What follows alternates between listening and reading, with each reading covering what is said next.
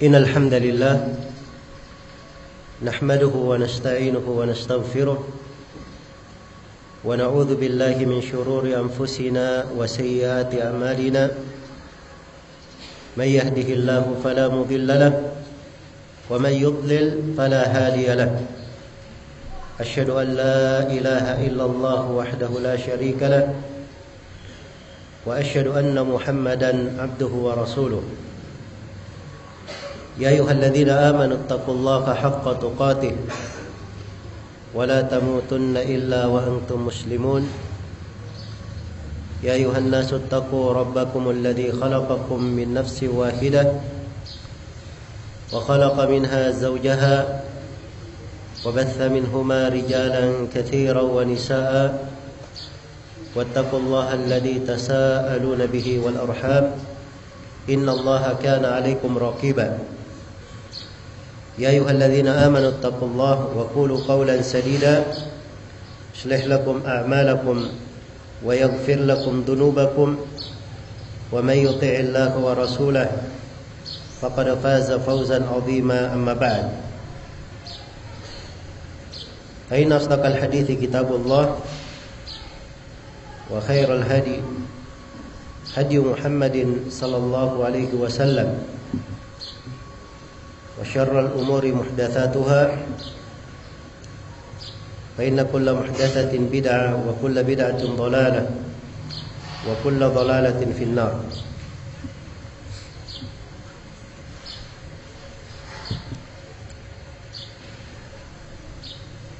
معاشر المسلمين والحاضرين rahimani wa rahimakumullah Alhamdulillah kita bersyukur kepada Allah Subhanahu wa taala di pagi hari ini menjelang siang kita dipertemukan di masjid yang mulia ini semoga Allah Subhanahu wa taala selalu menjadikan kebersamaan kita kebersamaan yang dirahmati membawa manfaat dan kebaikan untuk kita semua di dunia dan di akhirat. Dan semoga apa yang terjadi setelah majelis ini adalah hal yang selalu diampuni oleh Allah Subhanahu wa taala dan selalu mendapatkan taufik dan inayahnya. Sebagaimana kita memohon kepada Allah Subhanahu wa taala ilmu yang bermanfaat dan amalan salih serta pintu-pintu yang mendekatkan kita kepada sorga dan menjauhkan kita dari api neraka waliyu dzalika wal qadiru alaih pada pertemuan di pagi hari ini kita akan mengkaji sebuah tema yang penting untuk dipahami oleh setiap muslim dan muslimah yang menghendaki ketinggian di sisi Allah Subhanahu wa taala dan derajat yang utama.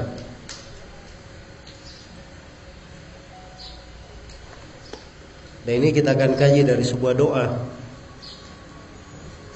yang diucapkan oleh Nabi sallallahu alaihi wasallam Doa ini diriwayatkan oleh Imam Ahmad An-Nasai dan Ibnu Hibban serta para imam ahli hadis yang lainnya. Hanya saja riwayat yang saya akan bacakan ini adalah riwayat yang berasal dari Al-Imam An-Nasai rahimahullahu taala. Di dalam kitabnya Al-Mujtaba yang disebut dengan nama Sunan As-Sughra berkata Abu Abdurrahman Ahmad bin Shu'aib An-Nasai rahimahullahu taala akhbarana Yahya ibn Habib ibn Arabi قال حدثنا حماد.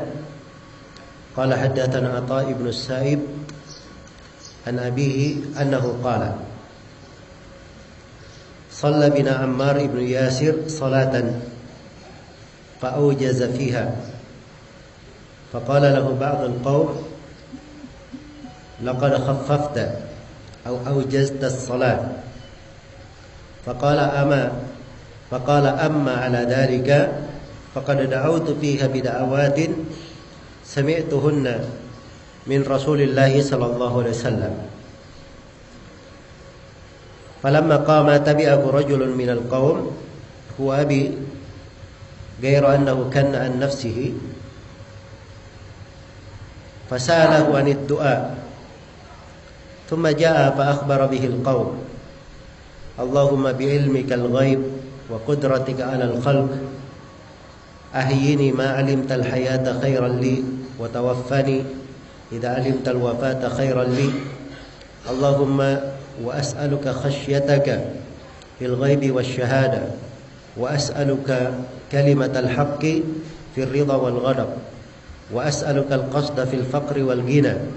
وأسألك نائما لا ينفد وأسألك قرة عين لا تنقطع وأسألك الرضا بعد القضاء وأسألك برد العيش بعد الموت وأسألك لذة النظر إلى وجهك والشوق إلى لقائك في غير ضراء مضرة ولا فتنة مضلة اللهم زينا بزينة الإيمان وجعلنا هداة مهتدين Ya.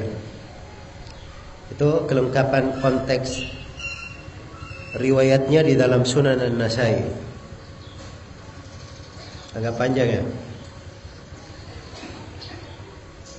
Dan di dalamnya ada doa.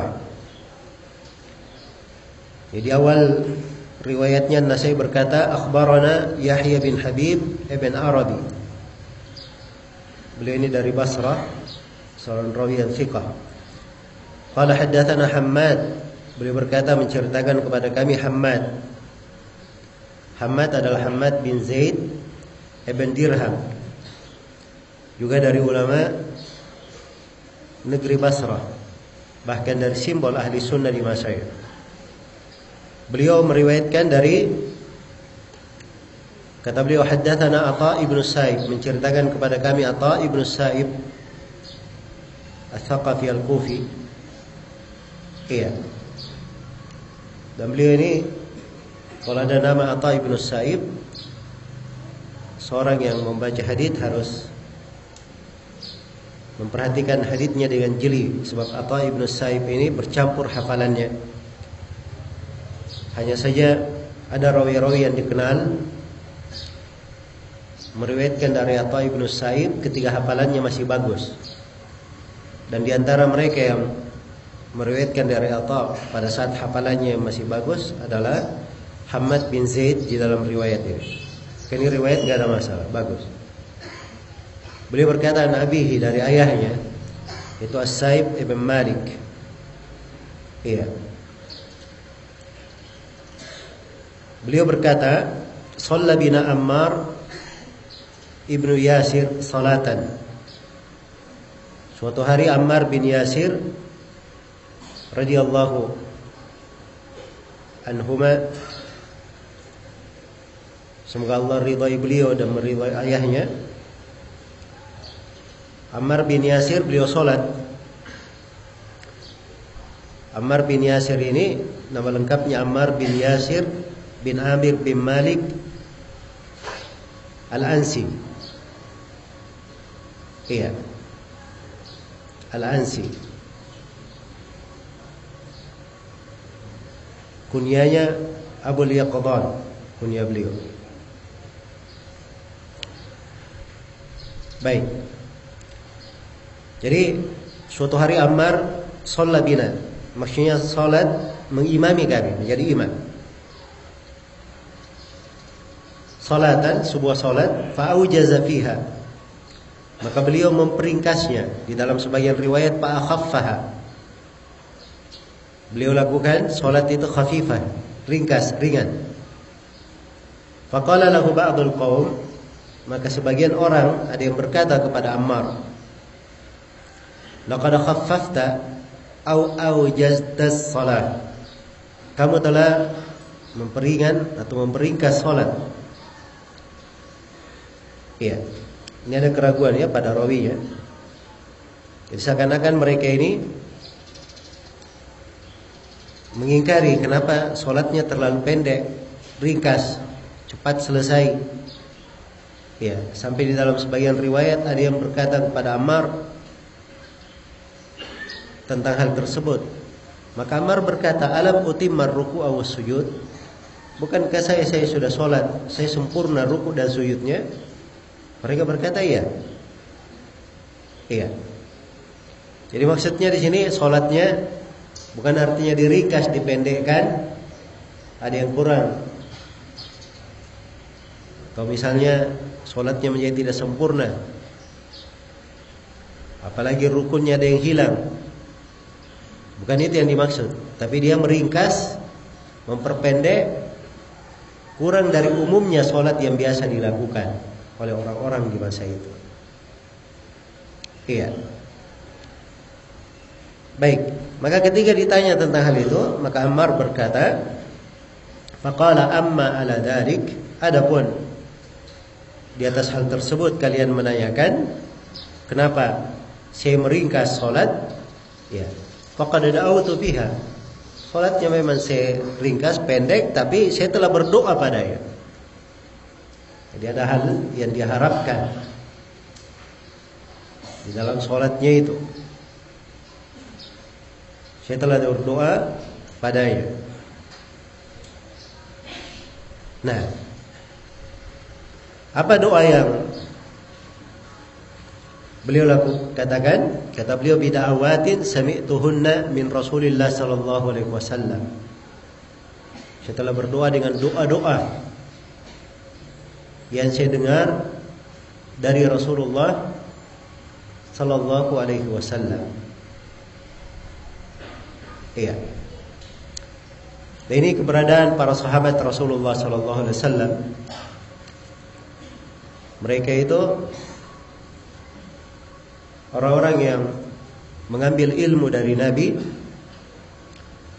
dan berusaha untuk mengamalkannya. Berusaha untuk mengerjakannya dengan sebaik mungkin. Dia lakukan apa yang mereka pelajari. Dan ini salah satu ciri hidup para sahabat Rasulullah sallallahu alaihi wasallam dan mereka adalah salaf kita. Dan di atas jalan itulah para ulama kita rahimahumullahu taala hidup dan berjalan beramal dengan ilmu. Jadi dengan doa-doa yang saya dengar dengan dari Rasulullah sallallahu alaihi wasallam Iya. Dalam sebuah riwayat bidu'ain kana Nabi sallallahu alaihi wasallam. Saya berdoa dengan doa yang Nabi biasanya berdoa dengannya. Baik katakan. Artinya Nabi biasanya berdoa dengan doa tersebut. Jadi itu alasannya. Kenapa Ammar memperingkas sholatnya? Iya. Karena itu kadang mereka itu dari pikir hidupnya para sahabat kadang di sebagian hal mereka biasa datar tidak terlalu penuh tetapi ada amalan lain yang mereka harapkan menutupinya. Ada hal lain yang mereka kerjakan mereka anggap sebagai bekal yang sangat diharapkan. Iya. Sangat diharapkan. Dan dimaklumi bahwa dalam sholat itu darajat tingkat-tingkat dan kesempurnaan sholat juga bertingkat-tingkat. Yang, yang jelas sholat itu paling sedikitnya adalah apa yang menjadikan sholat itu syah itu paling sedikitnya. Ada kadar lebih di atas hal itu. Kadar lebihnya ini Mau dilebihkan bagaimana? Nah, itu seorang tidak boleh keluar dari sunnah Nabi. Tidak boleh keluar dari sunnah Nabi.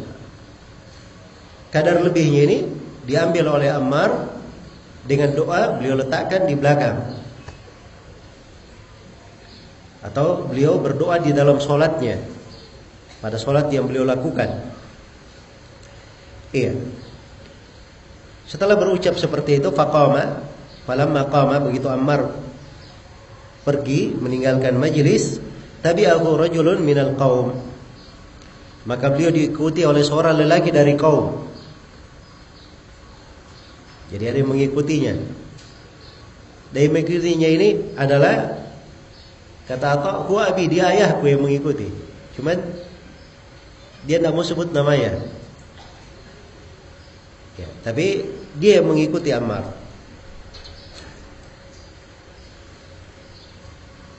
Baik. Jadi kata beliau, huwa abi dia adalah ayahku yang mengikuti. Gairu annahu kanna an nafsihi. Tapi ayahku tidak menyebutkan tentang dirinya. Dikinayahkan. Ada orang yang mengikuti. Padahal yang dimaksud dirinya sendiri. Ya. Jadi apa yang dia lakukan fasa'alahu anid doa. Maka orang ini bertanya kepada Ammar apa doanya. Jadi Ammar kan cuma bilang saya berdoa dengan doa-doa yang diajarkan oleh Nabi. Ketika didengar, ya. Maka As-Sa'ib rahimahullahu taala tidak membiarkan diikuti Ammar oleh As-Sa'ib. Ditanya apa doa yang diajarkan oleh Nabi? Apa doa yang kamu baca? Apa doa yang kamu baca? Maka setelah dia bertanya, "Tsumma jaa." Maka As-Sa'ib datang, fa akhbara bihil qaum. Lalu dia beritahukan kaum tentang doa yang dia baca. Ini juga dari kebiasaan as-salaf ya berbagi faedah, berbagi ilmu. Ya. Bukan dia dapat ilmu, dia mau simpan sendiri. Hah? Ini kan Ammar sudah pergi, dia tidak sebut doanya apa, dikejar sama As-Saib. Begitu ditanya apa doanya, Ammar menerangkan doa yang dia baca. Begitu kembali, maka As-Saib terangkan Ammar tadi membaca doa begini, diterangkan kepada orang yang hadir. Doa yang dibaca begini. Tidak dia simpan ilmu itu pada dirinya. Tapi dia sampaikan karena hadis Nabi seperti itu disampaikan. Banyak diulangi. Banyak diulangi. Mudakara. Iya. Dilakukan apa? Mudakara. Dia ketemu kawannya, hadisnya begini, doanya begini. Ya, ketemu kawannya, apa kemarin doa yang kita baca? Nah itu begitu mudakara namanya. Ya. Dan itu yang menyebabkan ilmu itu menjadi hidup. Itu yang menyebabkan ilmu menjadi apa? Menjadi hidup. Dan ini kebiasaan di masa dahulu. Iya. Kebiasaan di masa dahulu tidak pernah terlihat kecuali di sebagian majelis-majelis ilmu, di sebagian pondok-pondok pesantren saja. Tidak di semuanya juga, di sebagian. Padahal ini adalah sunnah Nabi dan para sahabat berjalan dan sunnah para ulama ahli hadis. Karena itu kata Imam kata Imam Abu Al-Hajjaj Al-Mizzi rahimahullahu taala man haza al-ilma wa dhakarahu salahat dunyahu wa akhiratuhu fa adim lil ilmi mudakaratan fahayatul ilmi mudakaratu.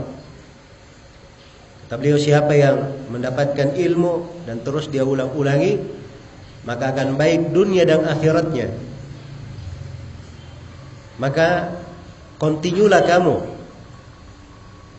untuk selalu mempelajari ilmu dan memudakarahnya, mengingatnya. Karena hidupnya ilmu dengan selalu dimudakarah, diingat. Selalu diulangi Selalu dibaca Itu hidupnya ilmu Baik Dan ini dari kebiasaan para salaf Rahimahumullah ta'ala Mereka berbagi faedah Berbagi dari faedah Maka apa doa yang diajarkan Oleh Ammar Kepada As-Saib ini Yang doa ini dibaca oleh Ammar, diambil oleh Ammar dari siapa? Nabi sallallahu alaihi wasallam. Nah, ini adalah doa yang kita ingin jelaskan sepotong darinya. Bukan semuanya ya, mau diterangkan. Sebab ini doa doa yang kandungannya luas. Iya. Banyak manfaat di belakangnya. Kita perlu banyak waktu untuk menerangkannya. Al-Hafidh Ibn Rajab rahimahullahu taala punya risalah khusus menerangkan makna doa ini. Punya risalah khusus menerangkan makna doa ini. Ada di dalam Majmu' Rasail beliau di jilid 2 dan sudah dicetak tersendiri dengan judul Syarah Hadith Ammar. Penjelasan Hadith Ammar.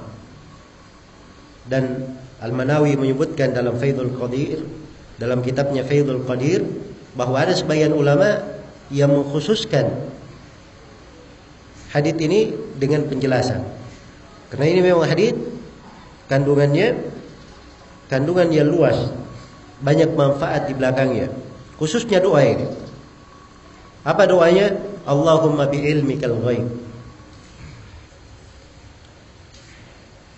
Saya baca dulu ya doanya. Allahumma bi ilmikal ghaib wa qudratika 'alal khalq. Ahyini ma 'alimta al-hayata khairan li wa tawaffani idza 'alimta al-wafata khairan li. Allahumma wa as'aluka khashyataka fil ghaibi wasyahada wa kalimatal haqqi wa as'aluka kalimatal haqqi fil ridha wal ghadab wa as'aluka na'iman la yanfad وأسألك قرة عين لا تنقطع. وأسألك الرضا بعد القضاء. وأسألك برد العيش بعد الموت. وأسألك لذة النظر إلى وجهك والشوق إلى لقائك في غير ضراء مضرة ولا فتنة مضلة. اللهم زينا بزينة الإيمان وجعلنا هداة مهتدين. Ini kelengkapan doanya. Yang ingin kita jelaskan cuma dua bagian saya dari doa. Dua bagian dari doa terangkai dalam satu kalimat yang disebut di dalam doa ini. Wa as'aluka laddatan nadhari ila wajhik wasyauqa ila liqa'ik fi ghairi dharra'a mudhirratin wala fitnatin mudillah. Ini yang ingin kita perdalam penjelasannya di pertemuan ini. Iya. Adapun yang lainnya dari doa Ya saya akan terangkan secara ringkas ya dari sisi mananya supaya tidak luput penjelasan tentang makna dari doa ini secara umum. Allahumma bi ilmikal ghaib. Ya Allah dengan ilmumu terhadap yang gaib. Ya.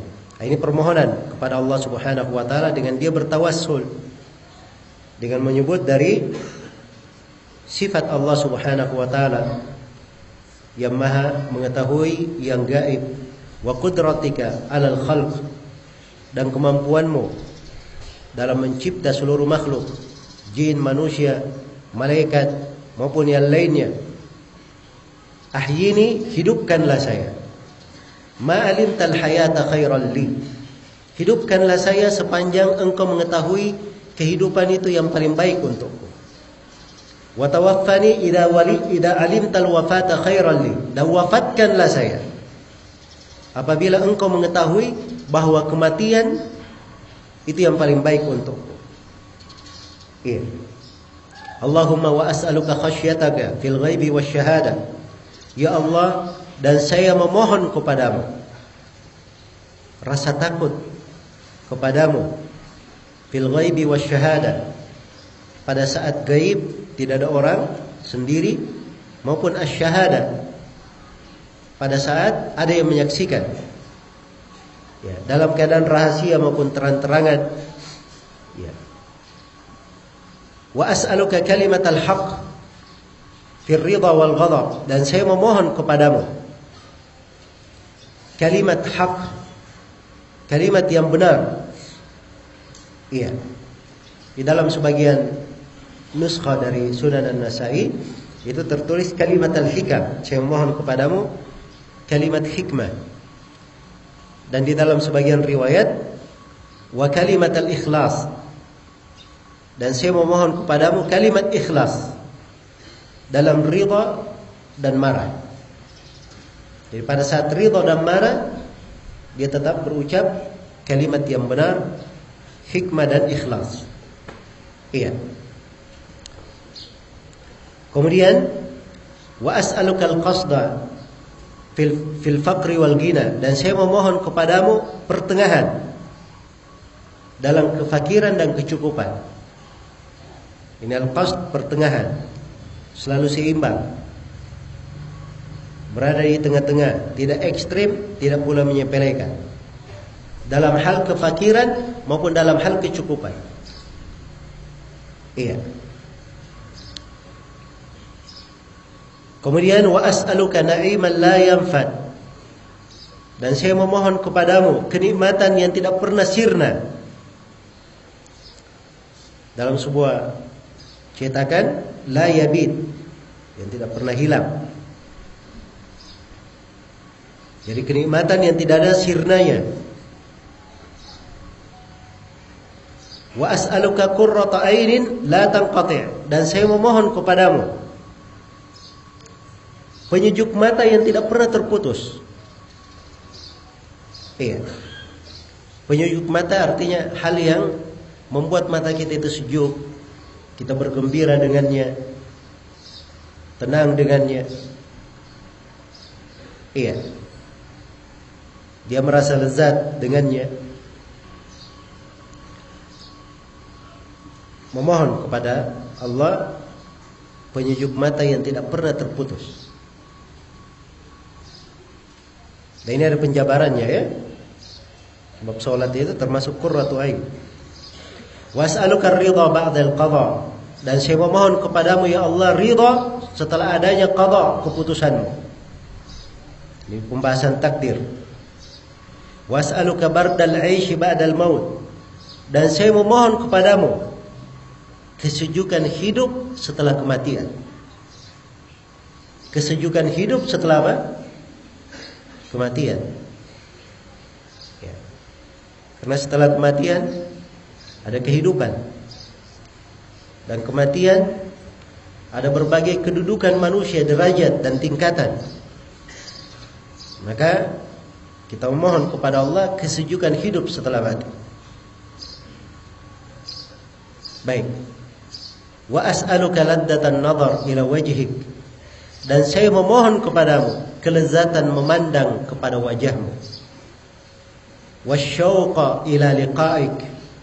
Dan kerinduan berjumpa denganmu.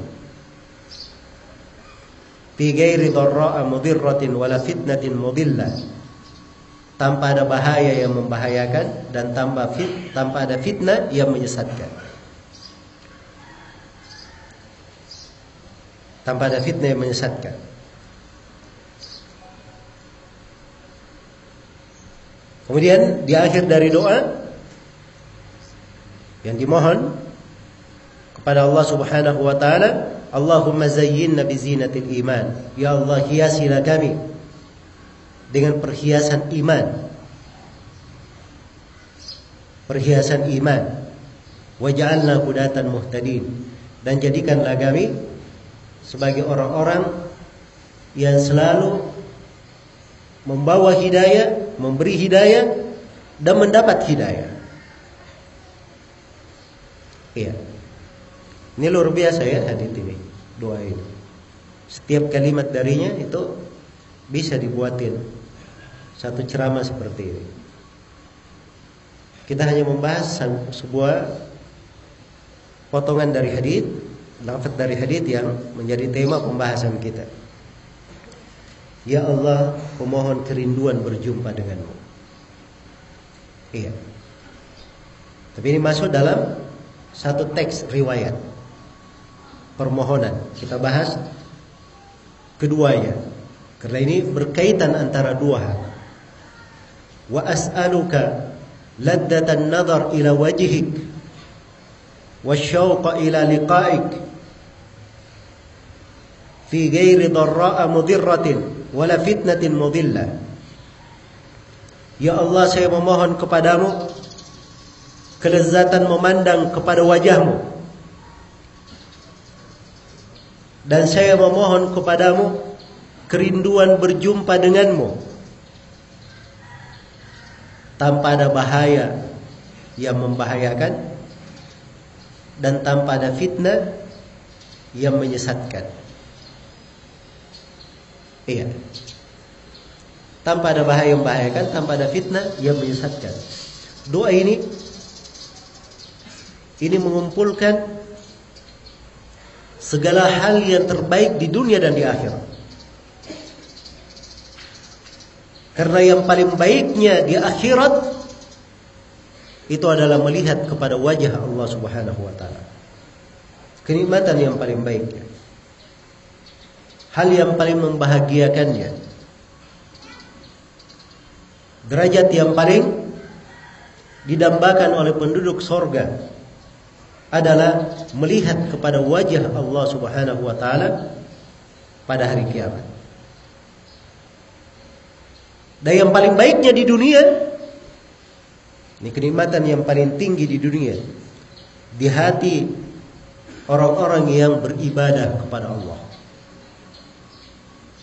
Kerinduan berjumpa dengan Allah. Kerinduan berjumpa dengan Allah. Ini kenikmatan yang paling tinggi. Karena itu digabungkan di dalam doa ini permohonan kita meminta dua hal yang paling baiknya yang paling baik di akhirat dan paling baik di mana? Di dunia. Iya. Asyauqa ila liqa'ik. Kerinduan berjumpa denganmu. Tapi harus diingat ya. Ini minggeri dharra'a mudirra tanpa ada bahaya yang membahayakan. Ya. Jangan sampai dia sedang sakit. Sedang sakit. Sedang kena musibah. Hah? Dia sedang dalam kondisi sulit. Dia memohon kepada Allah Subhanahu wa taala, "Ya Allah, saya mohon kelezatan memandang kepada wajahmu, berjumpa denganmu." Ingin diwafatkan saja gara-gara apa? Ada masalah di kehidupannya. Nah, ini namanya orang bosan hidup. Iya. Karena itu kita memohon tanpa ada bahaya yang membahayakan. Bukan karena bahaya dia memohonnya. Dan juga dia memohon kepada Allah Subhanahu wa taala hal yang paling indahnya jangan sampai ada bahaya yang dia bawa ketika di akhirat. Dia berjumpa dengan Allah. Iya. Dan ini peringatan tersendiri ya tentang wajibnya seseorang itu menghindari segala hal yang bisa membahayakannya. Dia menghindari segala hal yang bisa membahayakannya. Jadi apa saja yang bisa membahayakannya di dalam kehidupan ini? Ketika dia berjumpa dengan Allah Subhanahu wa taala, maka dia hindari segala bahaya itu. Iya. Kalau kalimat min ghairi dharra mudirra itu bentuk dari masyaqqa hal yang membuat sakit. Tapi konteks hadis lebih umum. Konteks hadis lebih umum. Ya, karena itu keinginan memandang kepada wajah Allah, kerinduan berjumpa dengannya itu bukan sekedar ucapan. Kalimat-kalimat manis di lisan saya. Tapi harus ada dari amalan-amalannya yang mendukung ke sana. Karena itu jalannya jangan ada bahaya yang membahayakannya. Dia memohon perjumpaan yang benar, kerinduan yang benar, tidak ada bahaya yang membahayakannya. Ya. Karena itu dia hindari segala hal yang membahayakan. Dari kesyirikan, dari bid'ah dan khurafat, Sebab bidah ini ya, syirik itu menghancurkan amalan. Bahaya paling bahaya menghancurkan amalannya. Wa qadimna ila ma amilu min amalin faja'alnahu haba'an manthura. Kami hadapi amalan yang mereka kerjakan lalu kami jadikan bagikan debu yang berterbangan. ولقد أوحي إليك وإلى الذين من قبلك لئن أشركت ليحبطن عملك ولتكونن من الخاسرين Sungguh telah diwahyukan kepada engkau Nabi Muhammad dan kepada para nabi sebelum engkau. Andai kata engkau berbuat kesyirikan, maka akan hancur seluruh amalan. Dan engkau akan menjadi orang yang merugi. Ini bahaya yang paling membahayakan. Sebagaimana bid'ah, ini juga bahaya yang membahayakan. Iya. Bahaya yang membahayakan. Saya nanti akan sebutkan ya. Dari jenis kerinduan Nabi berjumpa dengan Robnya. Jadi jenis kerinduan Nabi berjumpa dengan apa? Robnya. Beliau diberi pilihan oleh Allah antara dunia dan akhirat berada di sisi Allah. Maka beliau mem beliau memilih untuk berada di sisi Allah. Itu kerinduan berjumpa. Kita ditanyakan oleh para sahabat, beliau berkata, ya. Satalqauni 'alal haud. Kalian nanti akan temui saya di telaga. Ini orang-orang yang saling mencintai seperti itu. Ya Rasulullah engkau akan meninggalkan kami. Kita akan berjumpa di telaga. Telaga dihamparkan di hari kiamat. Di padang mahsyar. Setiap nabi ada telaganya. Dan nabi kita Nabi Muhammad sallallahu alaihi wasallam punya telaga di situ. Setiap dari umatnya akan minum dari telaga. Tapi ingat, ada orang-orang yang sudah mendekati telaga dikenal oleh Nabi sallallahu alaihi wasallam tiba-tiba mereka diusir dari telaga. Diusir dari apa? Telaga. Jangan sampai kita tergolong orang yang mendapat bahaya seperti ini. Terusir dari apa? Telaga. Apa sebabnya dia diusir? Diterangkan di dalam hadis. Innaka la tadri ma ahdathu ba'daka. Engkau Nabi Muhammad tidak tahu apa yang mereka ada-adakan setelahmu. Ini identiknya dengan bidah. Bisa masuk orang yang murtad, bisa masuk bidah. Dan sebagian ulama ada yang menafsirkannya dengan dosa besar juga. Itu mengada-adakan namanya.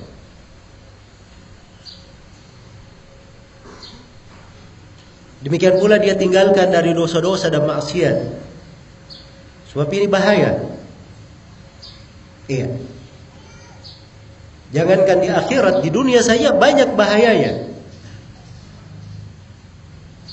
Sampai Allah Subhanahu wa taala berfirman tentang nabinya dari nikmat yang diberikan kepada nabinya.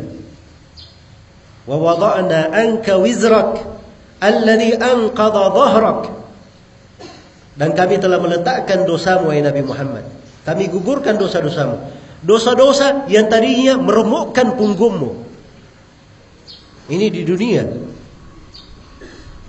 Bagaimana dosa itu memiliki bahaya. Karena itu orang yang ingin berjumpa dengan Allah Subhanahu wa taala menghadap kepadanya, melihat kepada wajahnya. Orang yang jujur, rindu ingin ketemu dengan Allah, maka ini dia perhatikan. Fi ghairi dharra tanpa ada bahaya yang membahayakan. Dia mengambil sebab-sebab menghindari hal tersebut. Dia sempurnakan sebab-sebab yang dengannya dia bisa melihat wajah Allah. Dia buktikan bahwa dirinya benar-benar rindu berjumpa dengan Allah. Kita akan terangkan nanti tentang hal tersebut. Insyaallah taala. Kemudian di kelanjutan hadis di akhirnya dari doa min ghairi dharra'a mudirratin wala fitnatin mudilla. Tanpa ada fitnah yang menyesatkan. Tanpa ada fitnah yang menyesatkan. Ya kerinduan ini tidak ada fitnah yang menyesatkan dia.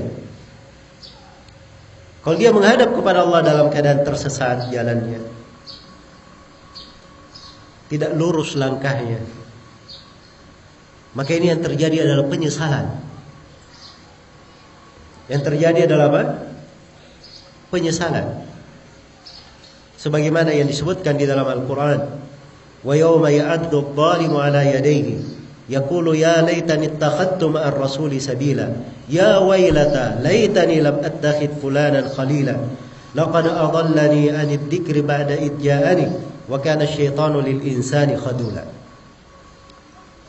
Hari ketiga orang yang zalim menggigit kedua tangannya.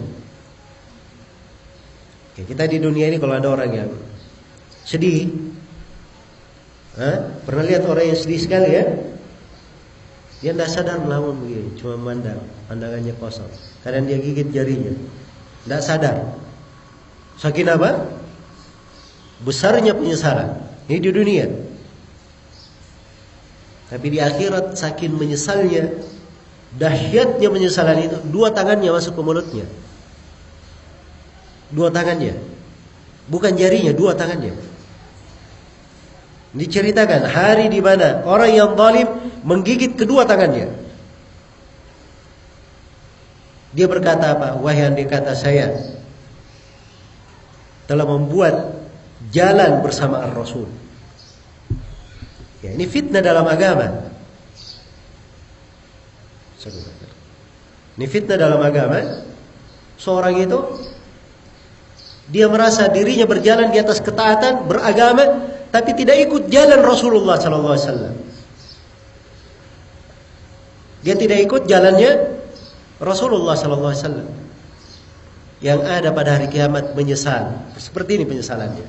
Nasallallahu alaihi Yaqulu ya laitani ittakhad yaqulu ya laitani ya wailata laitani lam attakhid fulanan khalila. Wahai betapa kasihannya saya. Betapa menyedihkannya saya Andai kata saya dulu di dunia tidak menjadikan si fulan sebagai orang yang saya cintai. Ini gara-gara dia tidak mengikuti jalannya Nabi, bukannya mengikuti jalan Nabi, dia ikut jalannya si fulan. Iya. Ikut jalannya si fulan. Karena itu orang yang belajar, orang yang berada di atas ketaatan, dia itu tidak taklid kepada siapa pun, ikut-ikutan kepada siapa pun. Dia ikut kepada jalannya Rasulullah sallallahu alaihi wasallam. Tidak menjadikan si fulan sebagai khalilah. Si fulan ini jadikan sebagai khalilnya, itu yang dia ikuti. Padahal ada jalannya Rasul. Dia tidak mengikutinya. Nasallallahu alaihi Dan itulah hawa nafsu. Seperti itu bentuknya. Kapan orang berpaling dari jalan Rasulullah sallallahu alaihi wasallam, pasti masuknya ke dalam hawa nafsu. Fa illam yastajibu laka fa'lam annama yattabi'una ahwa'ahum. Kalau mereka tidak menjawab seruan engkau Nabi Muhammad, tidak mengikuti jalan engkau, maka ketahuilah mereka ini mengikuti hawa-hawa nafsu mereka. Ya. Itu hanya ada dua golongan. Ikut jalan Rasul atau dia mengikuti hawa nafsunya. Walaupun dia katakan saya ikut seorang alim, seorang apa namanya berilmu, tapi dia menyelisih jalan Rasul, maka seperti itu dia menyesal. Iya. Ya laitani ya wailata laitani lam attakhid fulanan khalila laqad adallani an dzikri ba'da idjani. Si fulan ini, si khalilku ini telah menyesatkanku dari zikir. Setelah itu setelah zikir datang kepadaku. Dan memang syaitan itu akan syaitanul insani khadula. Syaitan itu selalu membuat manusia itu tertipu daya, mengkhianatinya. Iya. Mengkhianatinya. Dia mendorong, dia perintah, kamu ke sana. Dia sudah berjalan, sudah jatuh, sudah hancur, dipacik lagi sama syaitan. Itu khadula namanya. Rasakan seperti itu. Pada hari kiamat mereka menuntut syaitan. Syaitan berkata, jangan kalian mencela saya. Saya ini cuma mengajak kalian. Celah diri-diri kalian sendiri. Kenapa? Kalian mengikuti saya. Nah, maka syaitan khadulan. Seperti itu keadaannya. Karena itulah seorang hamba hendaknya mengetahui bahwa ini keberadaan dia ingin melihat kepada wajah Allah, rindu berjumpa dengannya.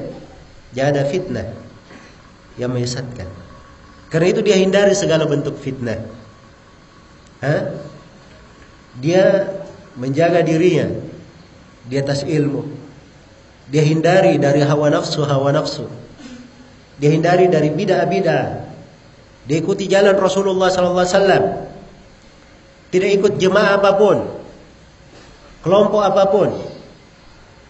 Tapi dia ikut kepada jalannya Rasulullah Shallallahu Alaihi Wasallam. Ya. Jadi ini batasan umum, batasan umum. Dan itulah kerinduannya para nabi. Kerinduannya para nabi. Nabi Yusuf alaihissalam. Lihat Nabi Yusuf ya. Alaihissalam. Ketika beliau didolimi oleh saudaranya. Dilempar ke sumur. Tidak ada di dalam ayat itu disebut Nabi Yusuf berkata, Ya Allah wafatkanlah saya. Di posisi susah, mereka tidak meminta kepada Allah Subhanahu wa taala kerinduan berjumpa dengan Iya. Ketika Nabi Yusuf alaihi salam kena fitnah masuk penjara di penjara beliau juga tidak berdoa ya Allah wafatkanlah saya sebab itu bukan konteks kerinduan yang benar memohon di situ tapi setelah Nabi Yusuf alaihi salam diberi kedudukan oleh Allah Subhanahu wa taala, baik kembali hubungannya dengan saudara-saudaranya. Beliau mendatangkan kedua orang tuanya dan saudara-saudaranya ke Mesir. Setelah itu baru datang permohonan Nabi Yusuf. Tawaffani musliman wa alhiqni bisalihin. Ya Allah wafatkanlah saya sebagai orang yang muslim. Dan ikutkan saya bersama orang yang saleh. Ini kerinduan berjumpa. Mohon diwafatkan oleh Allah. Sebagai seorang yang apa? Seorang yang muslim. Itu baru datang. Iya. Jadi kalau dia di atas kondisi afiat, di atas kondisi senang, dia memohonnya, rindu, nah ini sejalan dengan mana hadis. Min ghairi dharra'a mudirratin wala fitnatin mudillah. Wala fitnatin mudillah. Ya.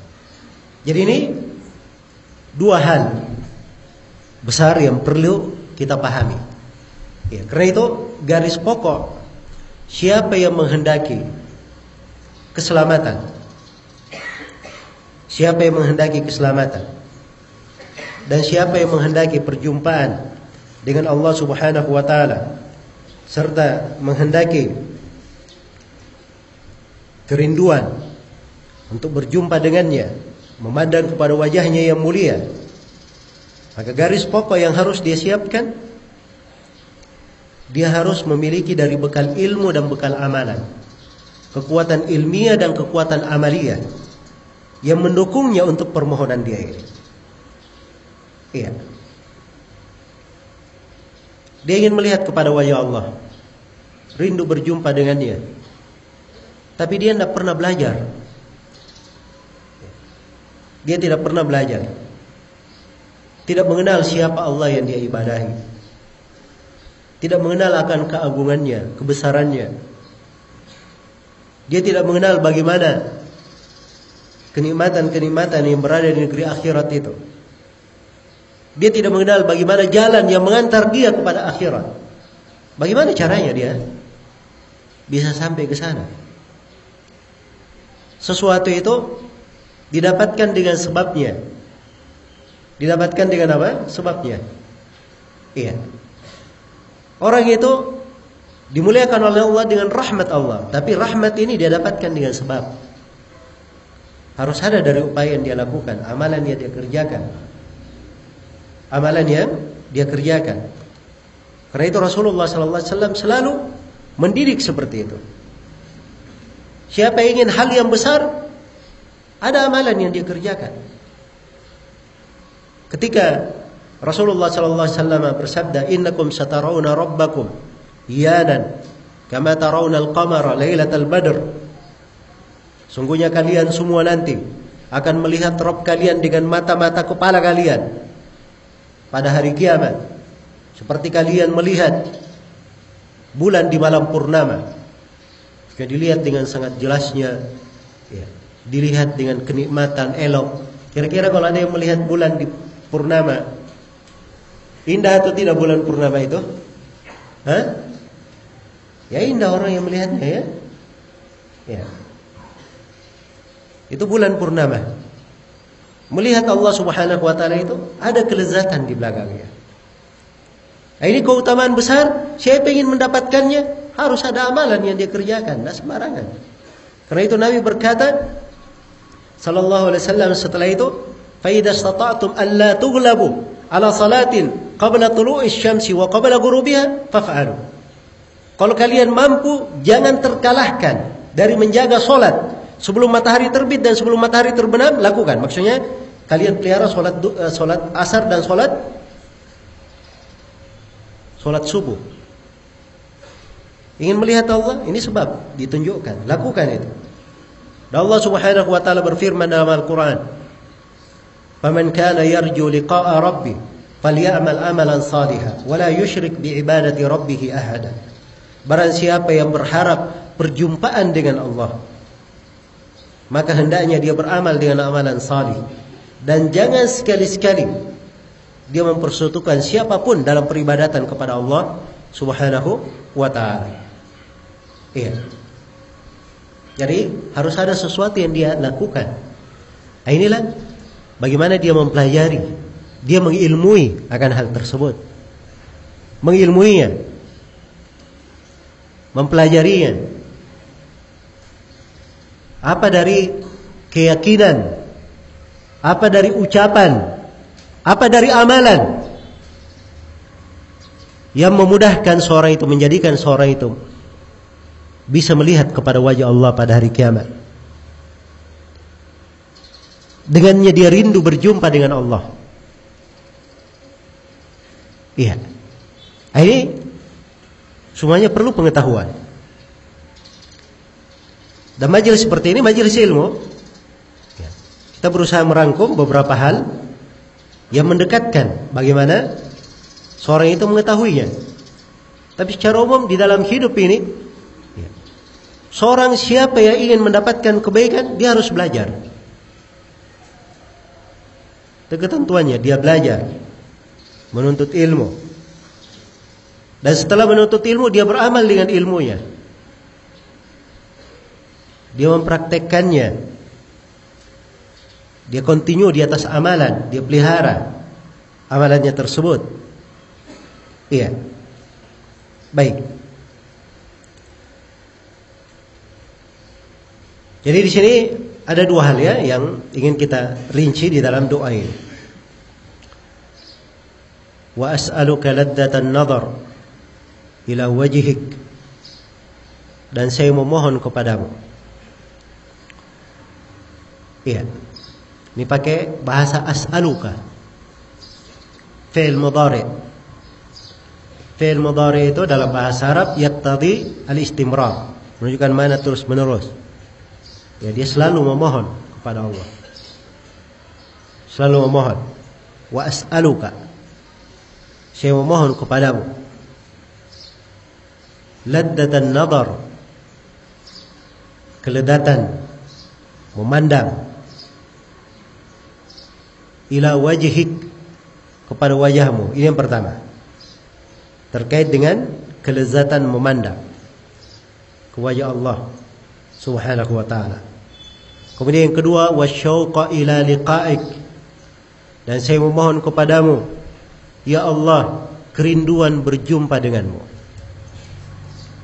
Kerinduan berjumpa denganmu. Ini dua hal. Dua hal ini saya sudah terangkan tadi kaidahnya. Digabungkan di dalam doa ini hal yang paling terbaik di dunia dan hal yang paling terbaiknya di mana? hal yang terbaiknya di dunia dan hal yang terbaiknya di akhirat. Digabungkan di dalam doa ini. Yang paling baik di dunia adalah kerinduan berjumpa dengan Allah. Dan yang paling baik di akhirat adalah memandang kepada wajah Allah Subhanahu wa taala. Iya. Bercerita tentang memandang kepada wajah Allah Subhanahu wa taala ini dari akidah namanya keyakinan. Seorang hendaknya tahu keyakinan ini. Pernah didengarkan dalil-dalilnya, ayat-ayat tentangnya. Supaya dia mengerti bahwa ini adalah nikmat yang paling besar. Nikmat yang sangat agung. yang harusnya dia harapkan. Harusnya dia harapkan nikmat ini untuk dia dapatkan. Iya. Memandang kepada Allah Subhanahu wa taala. Maka di sini terdapat itsbatur ru'ya, penetapan Allah itu dilihat pada hari kiamat. Dan Allah Subhanahu wa taala dilihat pada hari kiamat itu disepakati oleh para ulama, tidak ada silang pendapat di kalangan para as-salaf. Dalil-dalilnya diuraikan di dalam Al-Qur'an dan Sunnah Rasulullah sallallahu alaihi wasallam. Iya. Diuraikan di dalam Al-Qur'an dan Sunnah Rasulullah sallallahu alaihi wasallam. Dan banyak pendalilan di dalam hal tersebut dari ayat-ayat Al-Qur'an. Ini diyakini dulu. Ya. Seorang bagaimana caranya dia mohon ya Allah saya mohon kepadamu kelezatan memandang kepada wajahmu. Sedangkan dia tidak pernah tahu bahwa di hari kiamat itu ternyata kaum mukminin bisa melihat kepada Allah. Tidak pernah dia pelajari. Iya. Apalagi naudzubillah kalau dia ikut kepada fitnah yang menyesatkan. Orang-orang yang meyakini bahwa Allah tidak dilihat pada hari kiamat. Mengingkari ru'ya. Tidak dilihat. Dan ini ada di antara manusia di masa ini yang mengingkarinya. Masuk di dalam kesesatan-kesesatan. Di dalam hal tersebut. Iya. Padahal dalil-dalil tentang Allah Subhanahu wa taala akan dilihat pada hari kiamat itu sangat jelas sekali di dalam Al-Qur'an dan sunnah Rasulullah sallallahu alaihi wasallam. Iya. Saya akan bacakan beberapa ayat dan beberapa hadis secara ringkas. Di dalam hal ini yang menetapkan bahwa Allah akan dilihat. Di antara ayat yang paling populer yang disebutkan dalam buku-buku akidah adalah firman Allah Subhanahu wa taala, "Wujuhu yawma idzin nadhira ila rabbiha nadhira." Wajah-wajah pada hari kiamat itu nadhira. Berseri-seri, bergembira. Iya. Ila rabbiha nadhira. Kepada Rabbnya dia melihat. Jadi menunjukkan bahwa kaum mukminin akan melihat Allah Subhanahu wa taala pada hari kiamat. Dan ini tegas ya pada ayat. Karena nadira ila rabbiha nadira. Kalau pakai kata ila itu artinya ru'ya melihat. Ya, dikaitkan disinggung wajah yang berseri. Biasanya wajah itu berseri karena melihat sesuatu. Ya. Melihat sesuatu. Ini pemahaman yang ditunjukkan di dalam bahasa dan ditunjukkan pula oleh ayat-ayat yang lainnya. Baik. Kemudian di antara ayat juga yang menunjukkan bahwa Allah Subhanahu wa taala akan dilihat pada hari kiamat adalah firman Allah Subhanahu wa taala, "Lilladzina ahsanu al-husna wa ziyadah." Bagi orang-orang yang berbuat baik. Ini berbuat ihsan. Orang-orang yang berbuat ihsan. Ini salah satu jenjang ya. Dari jenjang-jenjang penghambaan yang hendaknya dimiliki oleh orang-orang yang ingin melihat wajah Allah, rindu berjumpa dengannya. Jenjang ihsan namanya.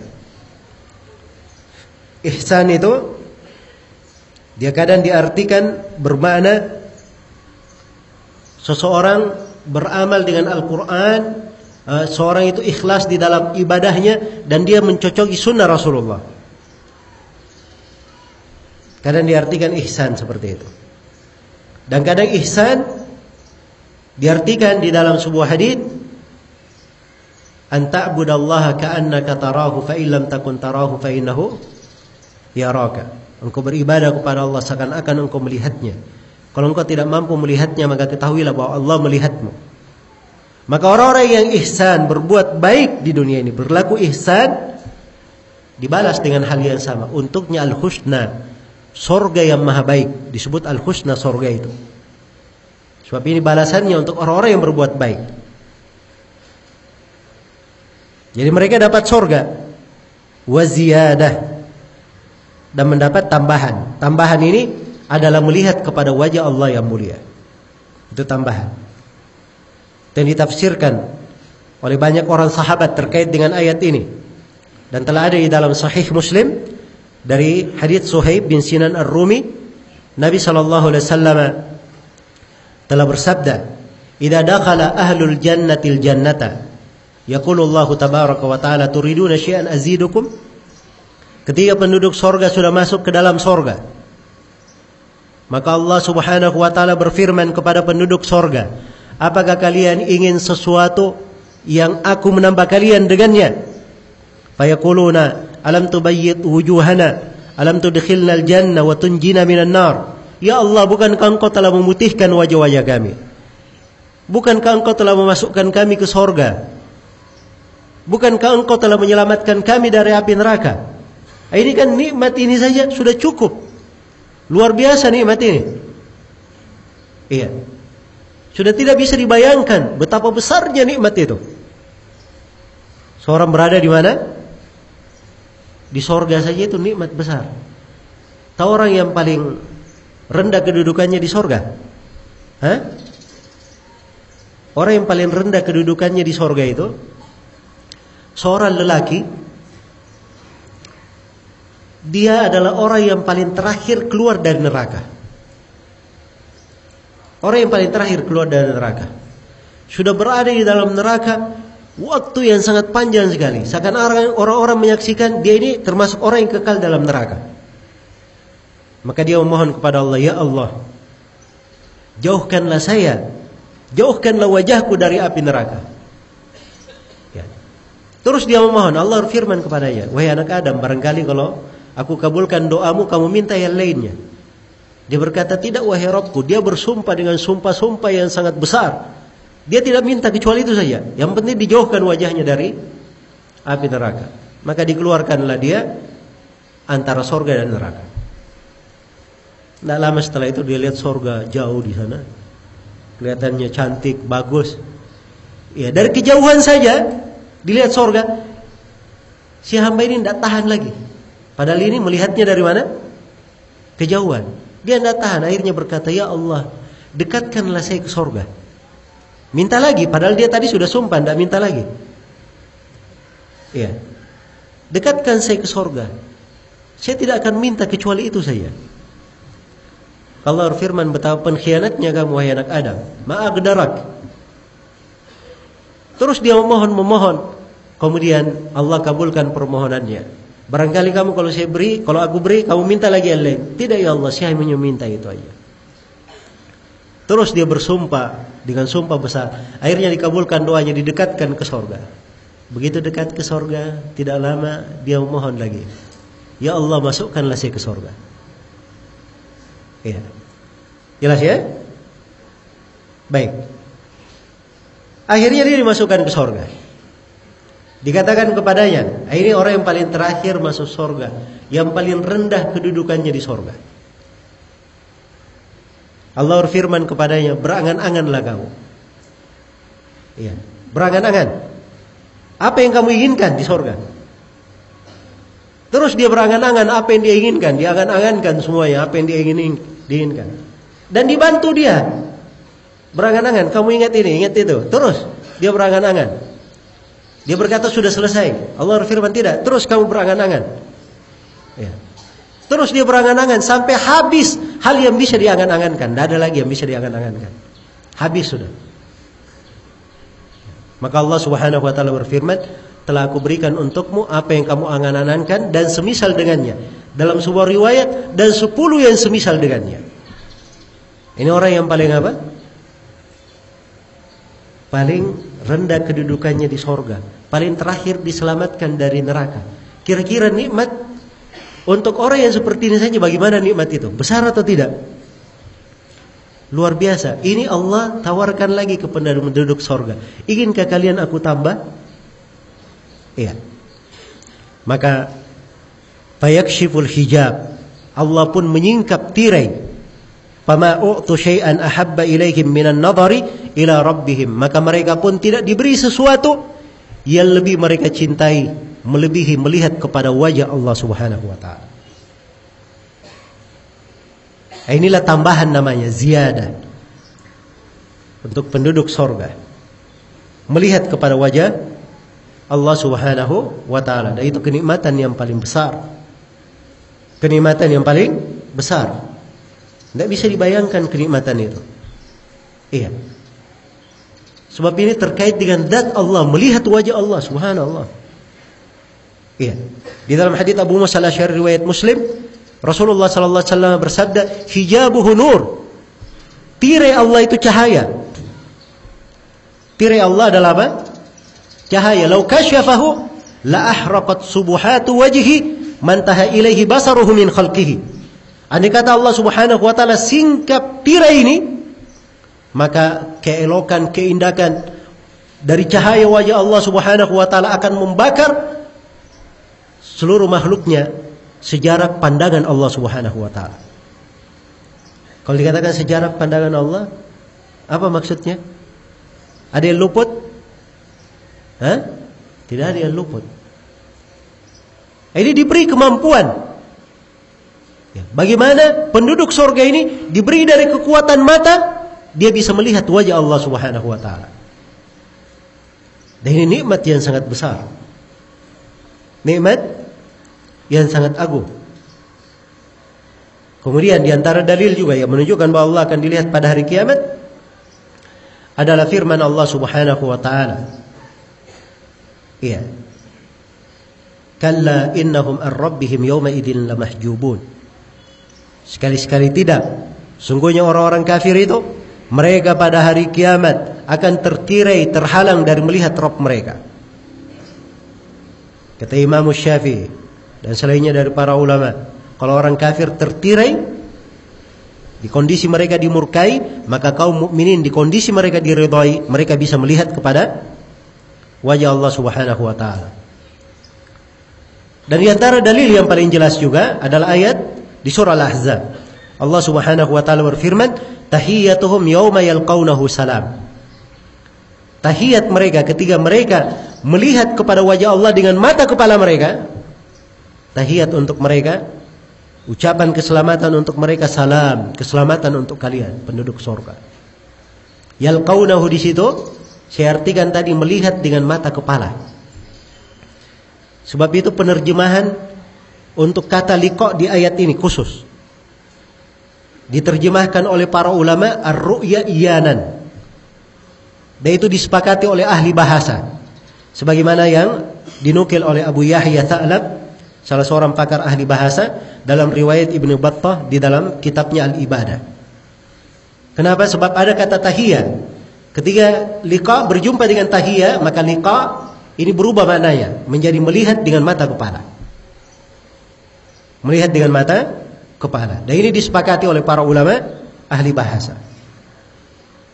Jadi ini semuanya di antara dalil yang menunjukkan bahwa Allah Subhanahu wa taala akan dilihat pada hari kiamat. Iya. Dan dalil-dalil yang menunjukkan bahwa Allah dilihat pada hari kiamat dari hadis-hadis Nabi sallallahu alaihi wasallam itu sangat banyak sekali. Iya. Sangat banyak sekali dari hadis yang menunjukkan tentang hal itu. Dan ini dari perkara yang dikatakan oleh Imam Ahmad datang diriwayatkan kepada kami dari berbagai sudut, berbagai sisi periwayatan dan itu hadis yang mutawatir. Tidak ada yang mengingkarinya kecuali ahlul bidah yang tersesat. Iya. Adapun orang yang lurus keyakinannya, benar akidahnya, ah, inilah yang berharap kebaikan. Bagaimana dia rindu ingin melihat kepada wajah Rabbnya. Rindu berjumpa dengannya. Karena itu keyakinannya di dalam dadanya. Iya. Akidahnya yang kuat akidahnya yang kuat. Dan dari doa ini wa as'aluka laddatan nadhar ila wajhik. Saya memohon kepadamu ya Allah kelezatan memandang kepada wajahmu, kelezatan. Laddah. Ini nikmat. Bukan sekedar melihat saja ya. Melihat saja itu ada kegembiraan. Iya. Ada kegembiraan. Ada kebahagiaan. Ketika seorang berjumpa dengan Allah melihatnya. Ya. Dan di sini ada hal yang lebih daripada itu. Dia memohon ladzah, kelezatan, kenikmatan di dalam melihat wajah Allah Subhanahu wa taala. Dan ini bagaimana umumnya kaidah ahli sunnah wal jamaah di dalam menetapkan sifat-sifat bahwa sifat-sifat Allah itu ditetapkan sebagaimana datangnya. Iya. Kalau dikatakan wajah Allah dikatakan wajah Allah maka kita yakini sebagaimana yang disebutkan wajah Allah wajah adalah wajah apa itu wajah? Dalam bahasa Arab semua orang paham. Wajah itu apa? Matah sulubihil muwajah. Iya. Itu dalam bahasa Arab. Jelas ya? Tapi kalau kaifiat bagaimana? Ini kaifiat tidak boleh ditanyakan. Tidak boleh menanyakan tentang kaifiat. Karena Allah berfirman la yus'alu amma yaf'al wa hum yus'alun. Allah tidak ditanya apa yang dia lakukan, mereka yang ditanyakan apa yang mereka kerjakan. Dan Allah berfirman laisa kamitslihi syai. Allah tidak serupa dengan suatu apa pun. Tapi wajib kita yakini bahwa Allah memiliki wajah sesuai dengan keagungan dan kebesarannya sesuai dengan keagungan dan kebesarannya. Iya. Karena itu dari kesesatan orang-orang yang tersesat keluar dari jalan ketika mereka tafsirkan wajah ini dengan makna yang lain. Ditafsirkan wajah Allah dengan ridha Allah. Ada yang menafsirkannya dengan kekuasaan Allah. Ya. Katanya ini adalah madhab ahli sunnah. Para pendusta orang-orang yang mengatakan itu madhab ahli sunnah. Ahli sunnah yang dimaksud siapa? Orang-orang Asy'ariyah katanya ahli sunnah. Orang-orang Asy'ariyah. Abul Hasan al-Asy'arinya sendiri sudah bertobat dari pemikirannya. Kok bisa ada ahli sunnah bertobat dari pemikirannya? Iya. Abul Hasan al-Asy'ari sendiri dia menulis empat buku menyatakan tentang taubatnya dan membersihkan dari kerusakan yang selama ini dia buat. Ada bukunya Al-Ibana.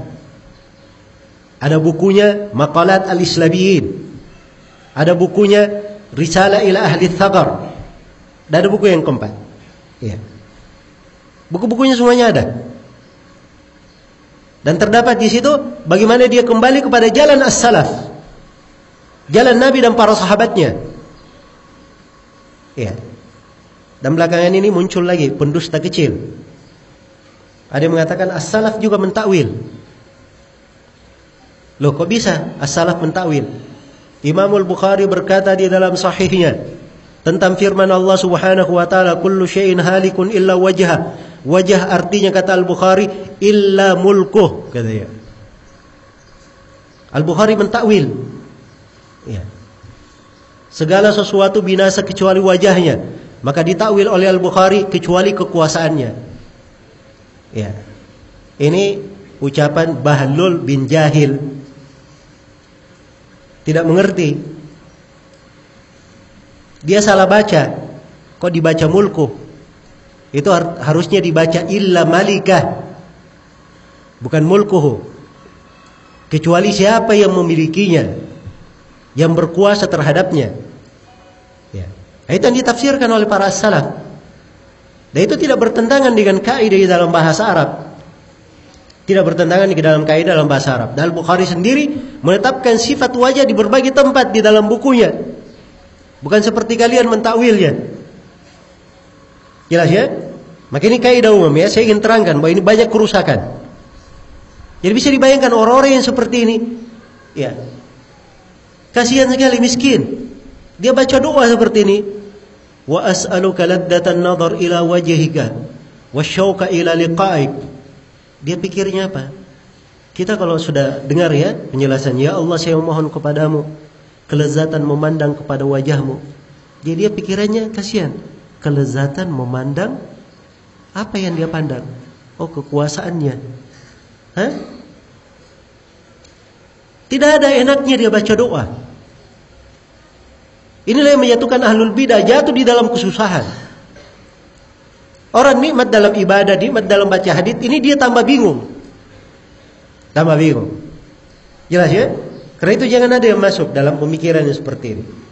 Nah ini belakangan ini ada orang-orang yang mulai memunculkan. Iya. Dan musibahnya seperti itu. Sebagian orang kalau sudah mulai apa namanya merasa dirinya populer, ya keluar semua dari racun-racunnya dari kesesatan-kesesatannya. Dan jangan mereka merasa aman karena Allah Subhanahu wa taala akan menjaga agama ini dan tetap akan ada orang-orang yang akan menjelaskan kebatilan dan penyimpangan orang-orang yang tersesat itu. Baik. Jadi kita kembali kepada doa ini di potongan yang pertama wa as'aluka laddatan nazar ila wajhik. Saya memohon kepadamu ya Allah kelezatan memandang kepada wajahmu. Iya. Kelezatan memandang kepada wajahmu. Jadi ingin memandang kepada wajah Allah itu ada sebab-sebabnya. Ada sebab-sebabnya. Yang pertama adalah tauhid, itu pokok.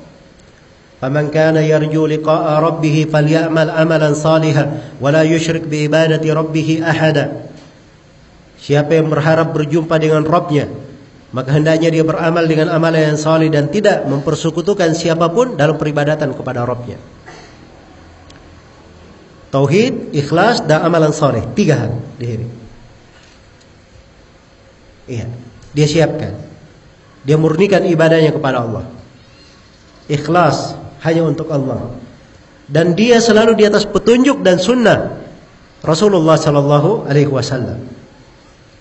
Ini yang paling berhak dimuliakan dengan melihat kepada wajah Allah Subhanahu wa taala. Iya. Kemudian di antara sebab juga diterangkan oleh Nabi sallallahu alaihi wasallam dalam hadis yang saya bacakan tadi, "Fa in istata'tum an la tughlabu ala salatin qabla tulu'i syamsi wa qabla ghurubiha." Kalau kalian mampu, jangan sampai kalian terkalahkan dari menjaga solat sebelum matahari terbit dan sebelum matahari terbenam. Solat sebelum matahari terbit, solat apa namanya? Solat subuh. Sebelum matahari terbenam, solat apa? Solat asar. Ini dua solat sangat agung di sisi Allah Subhanahu wa taala. Iya. Baik. Dan ini satu hadis saya ini ya luas ya pembahasannya satu hadis ini. Nah, satu hadis ini. Saya pernah terangkan satu hadis ini dalam dua jam ceramah atau lebih. Dan itu masih kurang waktunya. Banyak hal yang perlu dicermati dari hadis-hadis Rasulullah sallallahu alaihi wasallam. Iya. Bagaimana seorang melihat dari sebab-sebab yang memudahkannya untuk memandang kepada wajah Allah Subhanahu wa taala. Iya. Kemudian dari pokok perkara dia memperbaiki dari tauhidnya, dari keyakinannya. Ini harus ada ihtimam, semangat belajar ilmu tauhid. Ya. Orang itu kalau sudah mengenal sunnah, sudah belajar sunnah, itu yang paling pertama ada di dalam benaknya dia adalah orang yang paling rajin belajar tauhid. Itu orang yang mengenal sunnah namanya. Itu ciri ya ahli sunnah. Itu jalannya para as-salaf. Nah, jangan pikirnya oh saya sudah mulai kenal sunnah. Ya. Apa cirinya kamu mulai kenal sunnah? Saya sudah mulai pakai baju tiga perapat. Hah? Saya mulai pakai jubah. Itu belum tentu seorang dengan pakaian dia mengenal apa? sunnah. Saya sudah mulai rajin untuk ibadah. Ya bagus. Dia rajin ibadah itu sudah mulai bagus, tapi itu bukan pokok sunnah. Pokok sunnah itu dia belajar akidah, ikut jalannya para as-salaf, itu pokok dari sunnah. Iya. Pokok dari sunnah. Adapun kalau sekedar mengajak seorang, membuatnya sadar, ya, hampir setiap kelompok yang menyimpan seperti itu caranya mendekati manusia. Oh ini sudah tadinya dia biasa korupsi, sekarang dia tidak korupsi lagi. Tadinya biasa merampok, sekarang tidak merampok lagi. Tadinya biasa minum-minum, sekarang dia tidak mabuk-mabuk lagi. Tadinya tidak sholat, sekarang dia sudah sholat. Kan begitu? Iya. Tapi orang yang mengenal sunnah itu adalah orang yang bagus akidahnya, semakin mencocoki dari tuntunan Rasulullah sallallahu alaihi wasallam, berada di atas jalan Nabi dan para sahabat. Ini yang harus dia jaga, dia pelihara. Iya. Karena itu kalau dia mengenal sunnah, yang paling pertama dia cari dan dia pelajari bagaimana dia mempelajari akidahnya. Iya. Dan dia pikir bagaimana saya ketika sakaratul maut saya bisa bersyahadat la ilaha illallah. Jangan berangan-angan saja. Oh saya mau bersyahadat la ilaha illallah. Berdoa ya Allah mudahkanlah saya. Ya. Husnul khatimah inda sakaratul maut. Ketika sakaratul maut, sedangkan dia sendiri kerjanya tiap hari bikin bidah. Ya. Di dalam doa-doanya dia berdoa kesyirikan. Memohon kepada Nabi bukan memohon kepada Allah. Bagaimana caranya dia memudahkan mengucapkan la ilaha illallah? Ketika sakaratul maut. Maka dia perlu belajar apa itu makna la ilaha illallah. Dia pelajari apa ilmunya. Ini kewajiban dipelajari bukan? Kecuali kalau ada yang tidak mati, ya. Ada yang bisa nego dengan malakul maut, ya. Itu dia urus dirinya. Mungkin bisa santai dia tidak belajar. Tapi ini kematian ketetapan atas setiap insan. Kullu nafsin da'iqatul maut. Thumma ilaina turja'un. Setiap jiwa akan merasakan kematian. Kemudian kalian semua akan kembali kepada kami. Ada pertanggungjawaban. Dia wajib mempelajari. Sunnah dia wajib mempelajari apa dia menjawab pertanyaan malaikat di alam kubur. Tiga pertanyaan. Man rabbuka siapa Rabb yang kamu ibadahi? Man hadzal ladzi ursila ilaik? Siapa rasul yang diutus kepadamu? Madinuka apa agamamu? Ya. Oh jangan yang berkata ini kan pelajaran TK, sudah kita hafal dari kecil. Ya. Di kubur itu Nabi kabarkan ada orang yang ditanya dengan tiga pertanyaan dia jawab apa? Ha ha la adri. Sami'tu an-nasa yaquluna syai'an faqultuhu. Dia berkata ha ha saya tidak tahu. Saya hanya mendengar manusia berucap seperti itu, saya juga ikut-ikut mengucapkannya. Ikut-ikutan ini tidak ada manfaatnya. Harus dia belajar. Dia yakini. Saya tidak berkata harus dia hafal ya, karena semua orang bisa menghafal. Tapi dia pernah belajar, pernah dia dengarkan dalil-dalilnya. Ketika dia menghadap kepada Allah, dia berkata, Ya Allah, saya menyembahmu, beribadah hanya kepadamu, mentauhidkanmu. Saya pernah belajar, saya tahu dalil-dalilnya. Pernah saya dengarkan. Nah, itu hujah namanya. Tapi kalau dia ikut-ikutan saja, apa hujahnya ketika dia menghadap kepada Allah?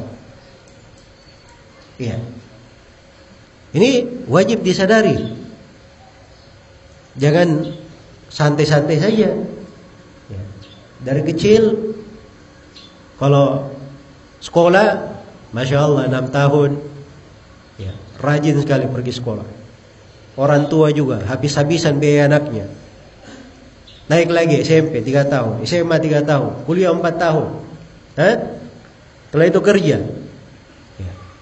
Yang kerja dari pagi sampai sore dia pergi kerja. Ya, banting tulas peras keringat, dia curahkan segala tenaganya untuk mendapatkan rezeki. Tapi bersamaan dengan itu tidak pernah dia pikir bagaimana dia selamat.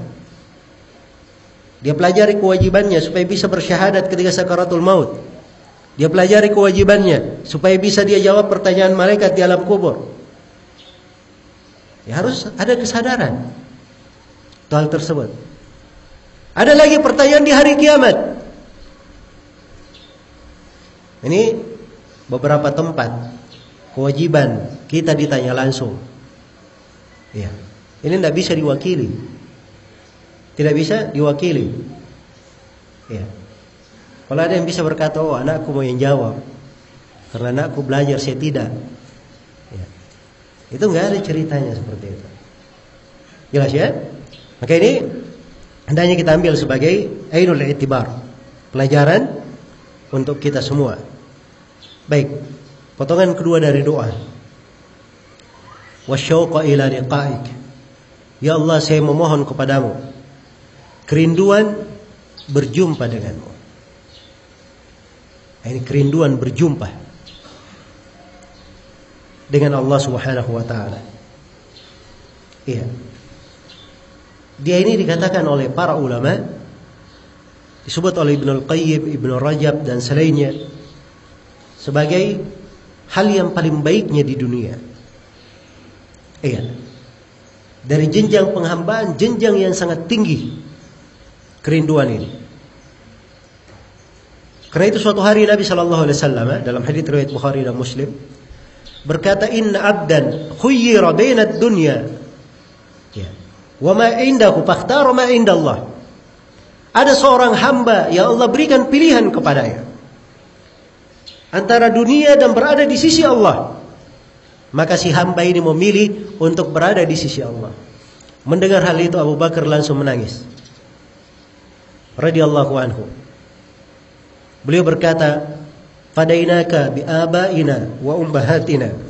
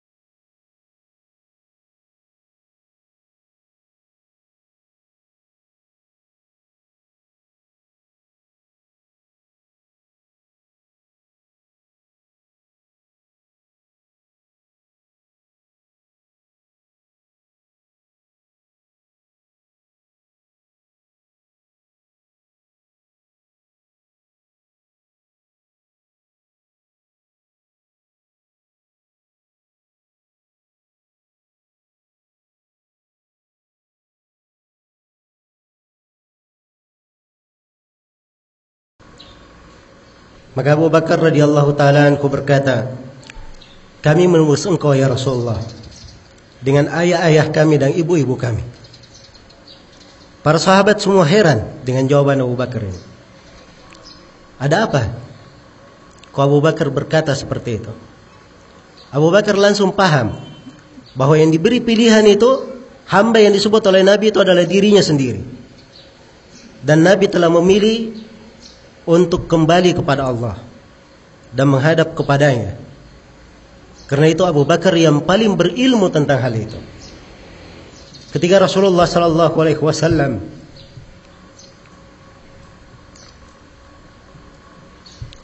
dihadiri oleh kematian, didatangi oleh sakaratul maut, maka beliau memohon kepada Allah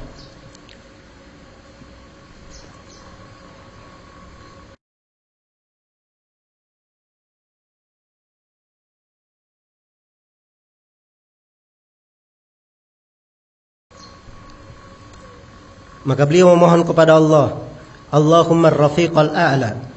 Ya Allah, saya memohon kepadamu sorga yang paling tinggi. Di tempat yang paling tinggi. Iya. Maka demikian kerinduan itu di dalam hati Rasulullah sallallahu alaihi wasallam untuk berjumpa dengan Rabbnya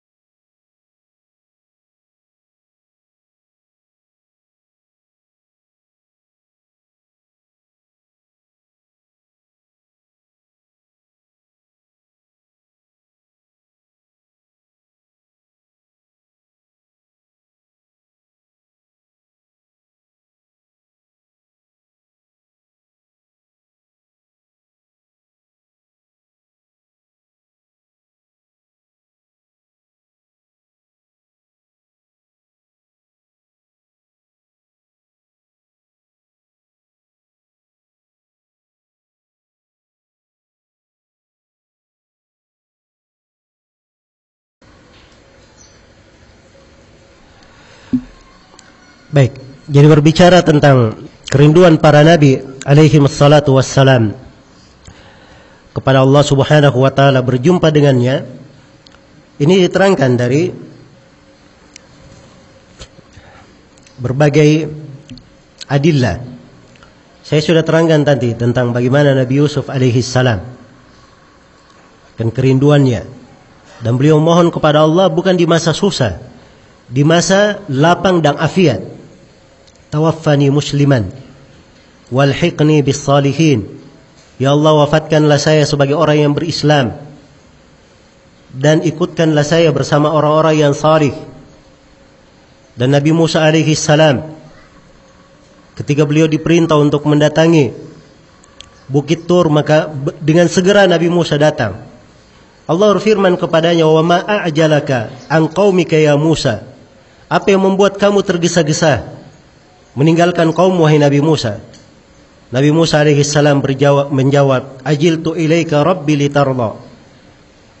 Saya bersegera kepada engkau hai Rabbku supaya engkau ridha. Ini dari sikap kesegeraan menunjukkan kobaran api cinta di dalam hatinya dan kerinduannya kepada Allah Subhanahu wa taala. Itu kelihatan. Iya, karena itu harus diketahui bahwa asyauq kerinduan berjumpa dengan Allah Subhanahu wa taala ini mewarnai hati orang-orang yang salih. Dari para nabi, para sahabat, kalau kita singgung dari kisah-kisah para sahabat di dalam hal ini itu luar biasa. Bagaimana kerinduan mereka terhadap Allah, terhadap surganya, terhadap negeri akhirat. Yang dikatakan oleh Nabi sallallahu alaihi wasallam, ya, siapa yang berperan di jalan Allah maka dia akan masuk surga. Ya, maka seorang bertanya tentang hal tersebut kepada Nabi. Surga seluas langit dan bumi ya Rasulullah, kata Nabi, iya. Maka sahabat ini berkata bakin bakin. Ya. Kalimat menunjukkan hal yang menakjubkan. Ya, kagum dengan hal tersebut. Maka Nabi mengatakan engkau termasuk dari mereka yang meraihnya. Maka masih ada kurma-kurma di tangannya. Tidak dihabiskan. Dia berkata sungguhnya ini hidup terlalu panjang. Kalau saya menunggu lagi kurma-kurma ini saya selesaikan. Kemudian dia berangkat berperan dan terbunuh di jalan Allah. Anas bin Nadar radhiyallahu taala anhu di dalam di perang Uhud. Dia berkata, "Saya mencium bau surga di belakang Uhud ini." Dan beliau mati syahid. Dan seorang sahabat yang juga meninggal mati syahid, beliau berkata ketika akan meninggal fustu wa rabbil Ka'bah dalam keadaan berkucuran darah, Beliau mengambil darah itu, beliau basuh wajah dan kepalanya dan beliau berkata, "Fustu wa Rabbil Ka'bah." Saya telah beruntung dengan Rabbil Ka'bah, dengan nama Allah, Rabb yang memiliki Ka'bah. Ini kecintaan mereka, kerinduan mereka untuk menghadap kepada Allah Subhanahu wa taala. Demikian pula di kalangan orang-orang yang salih dari para as-salaf rahimakumullahu taala itu kelihatan. Iya. Hanya saja di dalam pembahasan kerinduan ini, asyauq ini ada yang sifatnya uh, ada yang sifatnya dari kerinduan itu kadang membawa seseorang itu kepada kegelisahan. Iya. Membawanya gelisah. Seperti umumnya kita menyaksikan di dunia orang-orang yang cinta kepada makhluk ketika dia rindu kepada seorang maka kerinduannya itu kerinduannya itu membuatnya menjadi gelisah. Ingin selalu berjumpa dengan orang yang dia rindukan. Tetapi orang-orang yang salih yang punya kerinduan kepada Allah itu ada dua jenis. Ada yang seperti itu kadang kelihatan dari kegelisahannya karena dia rindu. Sebagai disebutkan oleh Ibn Rajab dan selainnya sebagian dari ahli ibadah ada yang berkata dan dia perempuan dari perempuan yang salihah. Dia berkata, andai kata kematian itu bisa saya beli, maka saya akan membelinya. Karena kecintaan untuk berjumpa dengan Allah, rindu berjumpa dengannya. Maka seorang berkata kepadanya, kamu menjamin dirimu kalau menghadap kepada Allah. Kamu selamat tidak disiksa. Maka dia berkata, sesungguhnya saya menghadap kepada Allah Subhanahu wa taala, Rabb yang Maha luas karunia-Nya, yang Maha mengampuni dari hamba-hambanya dan saya yakin kerinduanku ini akan memasukkanku surga. Ya. Maka ini dari hal yang kadang terlihat pada sebagian dari as-salaf. Ya. Dan yang terlihat dari ucapan-ucapannya seperti ada seorang perempuan juga disebutkan seorang perempuan tua. Ya, dia menunggu anaknya dari sebuah perjalanan, anak yang sangat disayangi. Begitu datang, maka manusia bergembira, keluarganya gembira, dia juga gembira. Tapi keluar kalimatnya yang menunjukkan sesuatu yang bercokol di hatinya. Ya. Keluar kalimatnya setelah dia menangis, ditanya kenapa engkau menangis? Ya. Dia berkata, saya teringat bagaimana kegembiraan seorang hamba ketika pada hari kiamat dia menghadap kepada Allah Subhanahu wa taala. Bagaimana gembiranya dia selama ini di dunia, dia merindukannya, begitu dia kembali menghadap kepada Allah dia berjumpa dengannya. Maka dia teringat hal yang seperti itu mengingatkannya kepada Allah Subhanahu wa taala. Baik. Jadi kalau kita berbicara tentang uh, bagaimana dari potret para as-salaf rahimahumullahu taala di dalam kegembiraan mereka kerinduan mereka berjumpa dengan Allah Subhanahu wa taala ini banyak sekali yang mungkin kita bisa ambil pelajaran-pelajaran darinya hanya saja waktu membatasi kita. Dan ada sebuah ayat di dalam Al-Qur'an Allah Subhanahu wa taala berfirman di surah Al-Ankabut Man kana yarju liqa Allah fa in ajalallahi al Barang siapa yang mengharapkan perjumpaan dengan Allah maka sesungguhnya ajal Allah itu pasti datang. Kata para ulama ini ayat takziah, hiburan, penggembira, penyujuk hati untuk siapa? Untuk orang-orang yang rindu berjumpa dengan Allah.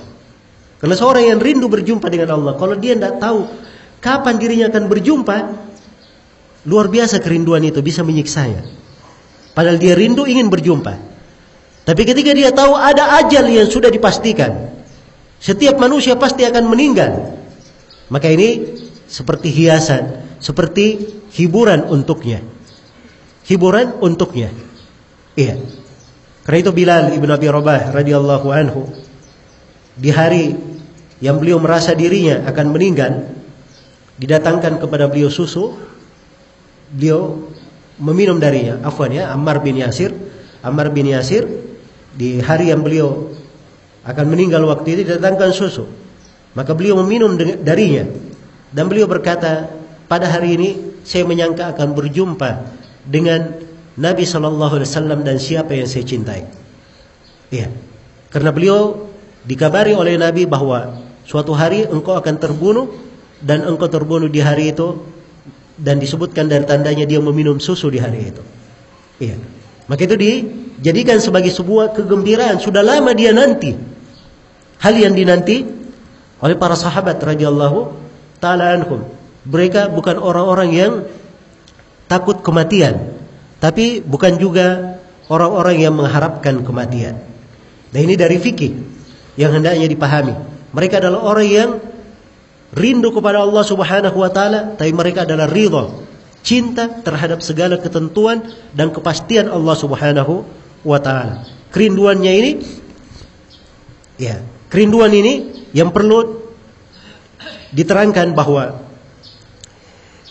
Al-Harawi Abu Ismail Al-Harawi rahimahullahu taala ketika menjelaskan tentang jenjang kerinduan dalam tingkatan-tingkatan ibadah, beliau membaginya menjadi tiga derajat.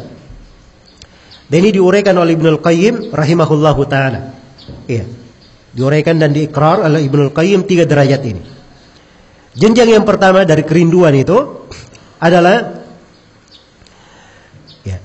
Jenjang yang pertama dari kerinduan adalah kerinduan hamba menuju kepada sorga. Kerinduan hamba menuju kepada sorga. Ini jenjang yang pertama. Dan disebutkan di jenjang ini ada tiga hal yang ingin diarai supaya orang yang takut itu merasa aman, orang yang bersedih bergembira, dan orang yang berharap meraih dari harapannya. Berharap dia meraih dari harapannya. Baik. Jadi ini kerinduan yang menyebabkan seseorang itu rindu dengan sorga. Di jenjang yang pertama ini. Karena itu amalan-amalan yang mendekatkan ke sorga. Kalau dia benar rindu kepada Allah, rindu berjumpa dengannya, maka dia akan tekuni dari amalan-amalan sorih itu. dari hal-hal yang baik itu. Dikerjakan dari ketaatan-ketaatan. Segala pintu yang mengantarnya ke sorga, segala lahan ketaatan dan kebaikan, dia tidak lewatkan. Dia banyak berzikir kepada Allah Subhanahu wa taala mengingatnya. Dia banyak memohon dan berdoa kepada Allah supaya diberi dari sorga ini. Iya. Ini bentuk dari kerinduan. Ini pengaruh dari rindunya dia. Perhatikan ini dari pengaruh rindu berjumpa dengan Allah, dia rindu untuk menuju kepada sorga dan menyaksikan bagaimana sorga itu. Rindu untuk melihatnya. Rindu berada di dalamnya. Iya. Baik. Kemudian dari kerinduan berada di sorga itu juga kerinduan melihat kepada wajah Allah Subhanahu wa taala. Itu bagian dari kerinduan di sorga. Karena itu itu mungkin dari salah satu rahasianya kenapa digabungkan antara dua hal ini. Nah, kemudian derajat yang kedua dari kerinduan ya.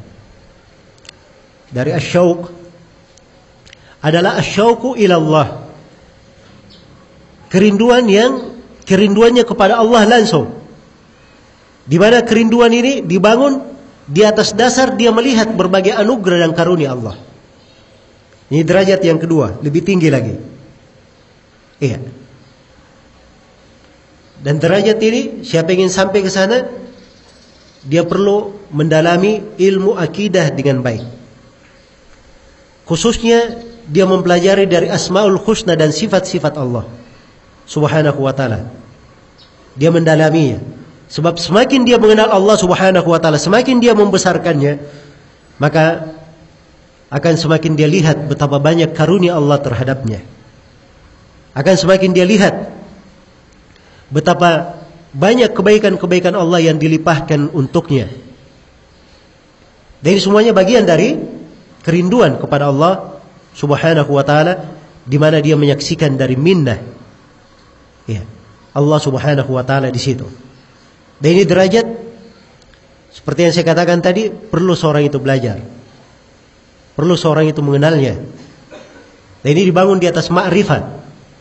Dibangun di atas pengetahuan. Iya. Pengetahuan itu manusia bertingkat-tingkat. Ma'rifatullah.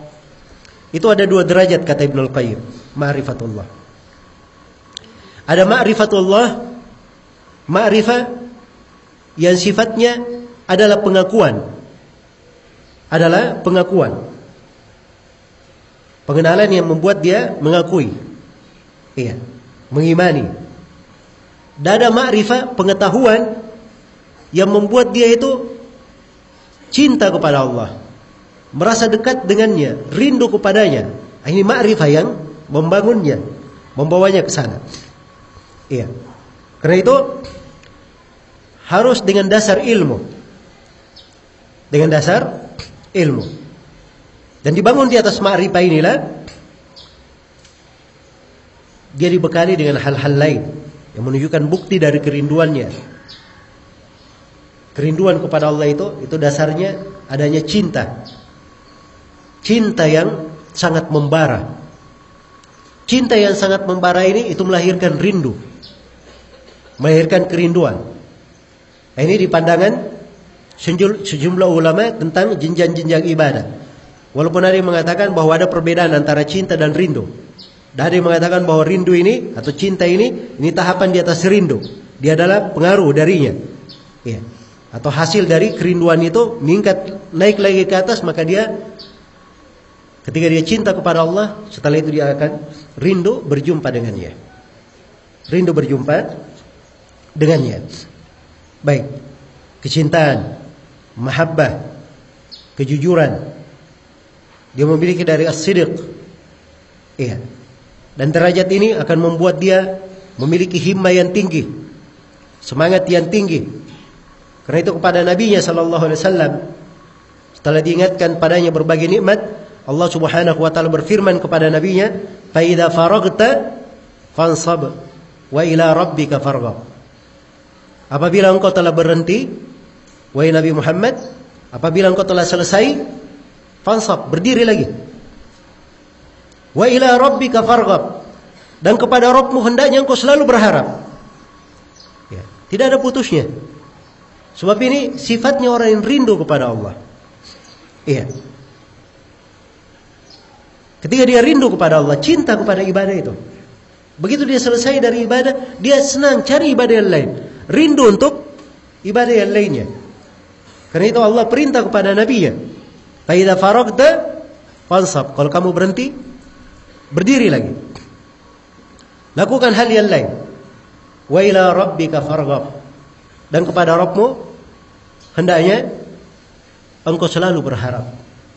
Dan Allah Subhanahu wa taala berfirman kepada nabinya, "Wa'bud rabbaka hatta ya'tiyakal yaqin." Dan beribadahlah engkau kepada Rabbmu sampai kematian datang menjemput. Sampai kematian datang menjemput. Selalu ada mujahadah, kesungguhan di dalam kehidupan. Kesungguhan dalam segala hal. Sungguhan dalam belajar, dalam menuntut ilmu. Ya. Inilah menyebabkan para ulama salaf rahimahumullah taala kalau kita melihat dari sirah mereka di dalam belajar dan menuntut ilmu hal yang menakjubkan. Ya.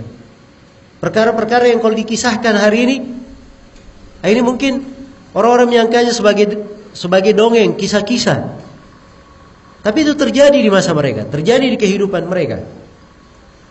Bagaimana mereka sanggup untuk melakukan perjalanan yang sangat jauh. Meninggalkan keluarga, sanak famili bertahun-tahun. Ada yang sampai belasan tahun. Ya. Menempuh berbagai bahaya. Di antara mereka ada yang selalu melakukan perjalanan sampai telah beruban pun dia melakukan perjalanan. Itu disebut dari Imam Ahmad rahimahullah. Beliau sudah imam terkenal, ahli hadis yang sangat masyhur. Dikenal di semua negeri. Tapi bersama dengan itu beliau masih mendatangi guru-guru. Masih mendatangi dari guru-guru, mendengar hadis. Mendengar hadis. Sebab mereka punya kecintaan.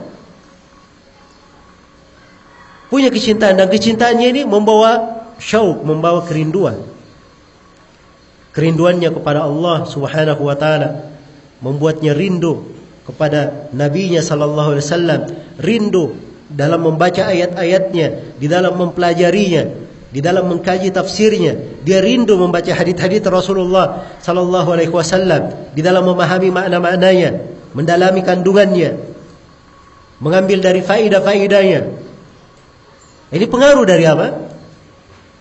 Dari kecintaan dan kerinduan itu. Iya. Dan kerinduan yang dahsyat ini, ini yang membuat dia berlari dengan segera. Fafirru ilallah. Inni lakum minhu nadhirum mubin. Berlarilah kalian semua kepada Allah. Perintah berlari. Iya. Menunjukkan kalau berlari itu dari berjalan biasa berlari itu ya. Bukan juga jalan cepat. Berlari namanya berlari kencang. Itu berlari. Fafirru ilallah. Berlarilah kepada Allah. Harus ada kesegeraan. Mujahadah. Ada sesuatu yang sangat dicintai di depan, ingin dia kejar, dia dia tidak ingin luput. Ya, dia tidak ingin luput. Cuman masalahnya kita di masa ini ya, sedikit kita membaca dari orang-orang yang benar rasa cintanya dari orang-orang yang kita bisa mengambil suri tauladan. Bagaimana semangat yang tinggi itu? Iya. Kalau semangat tinggi yang biasa dilihat di masyarakat ini kalau ada orang misalnya dikenal ya, tergantung di bidang mana. Kalau pesepak bola datang misalnya pemain sepak bola, mungkin dia dari Makassar dia rela untuk ke ke mana? Ke Jakarta. Cuma mau nonton saja timnya saja yang sedang main. Nah, ini pendidikan yang berjalan di masyarakat. Ya.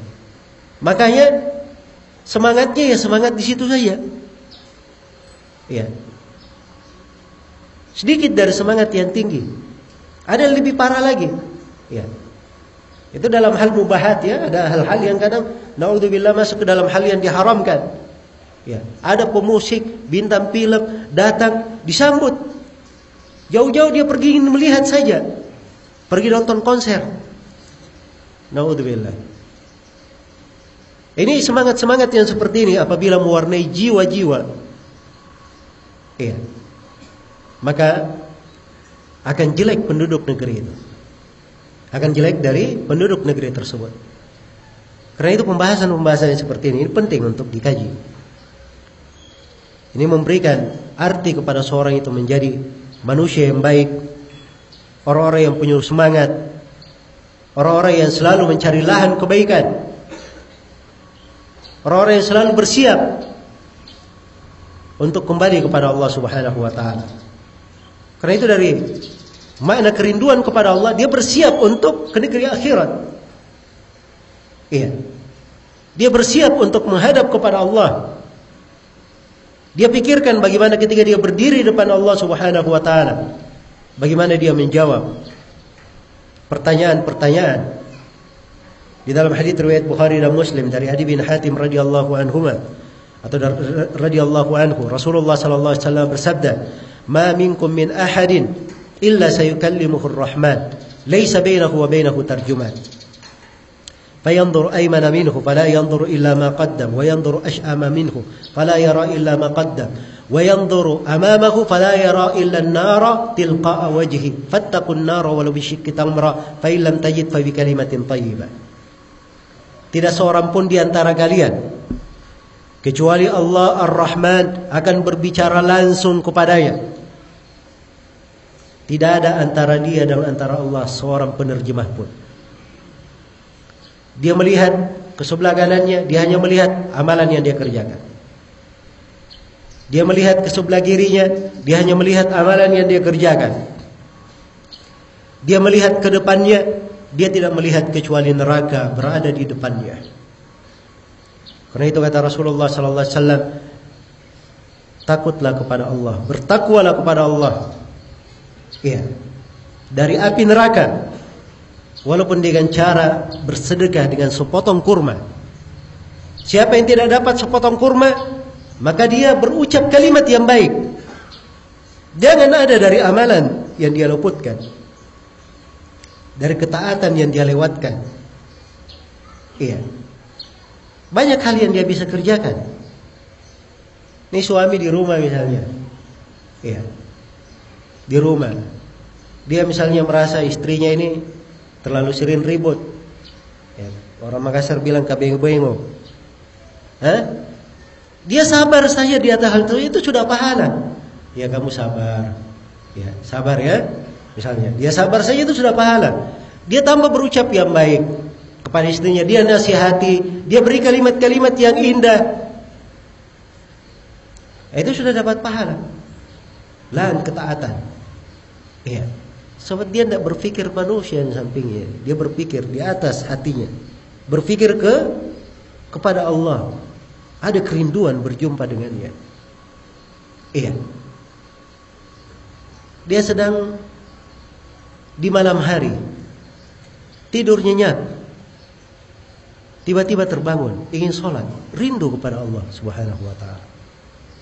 Iya. Didatangi oleh malas,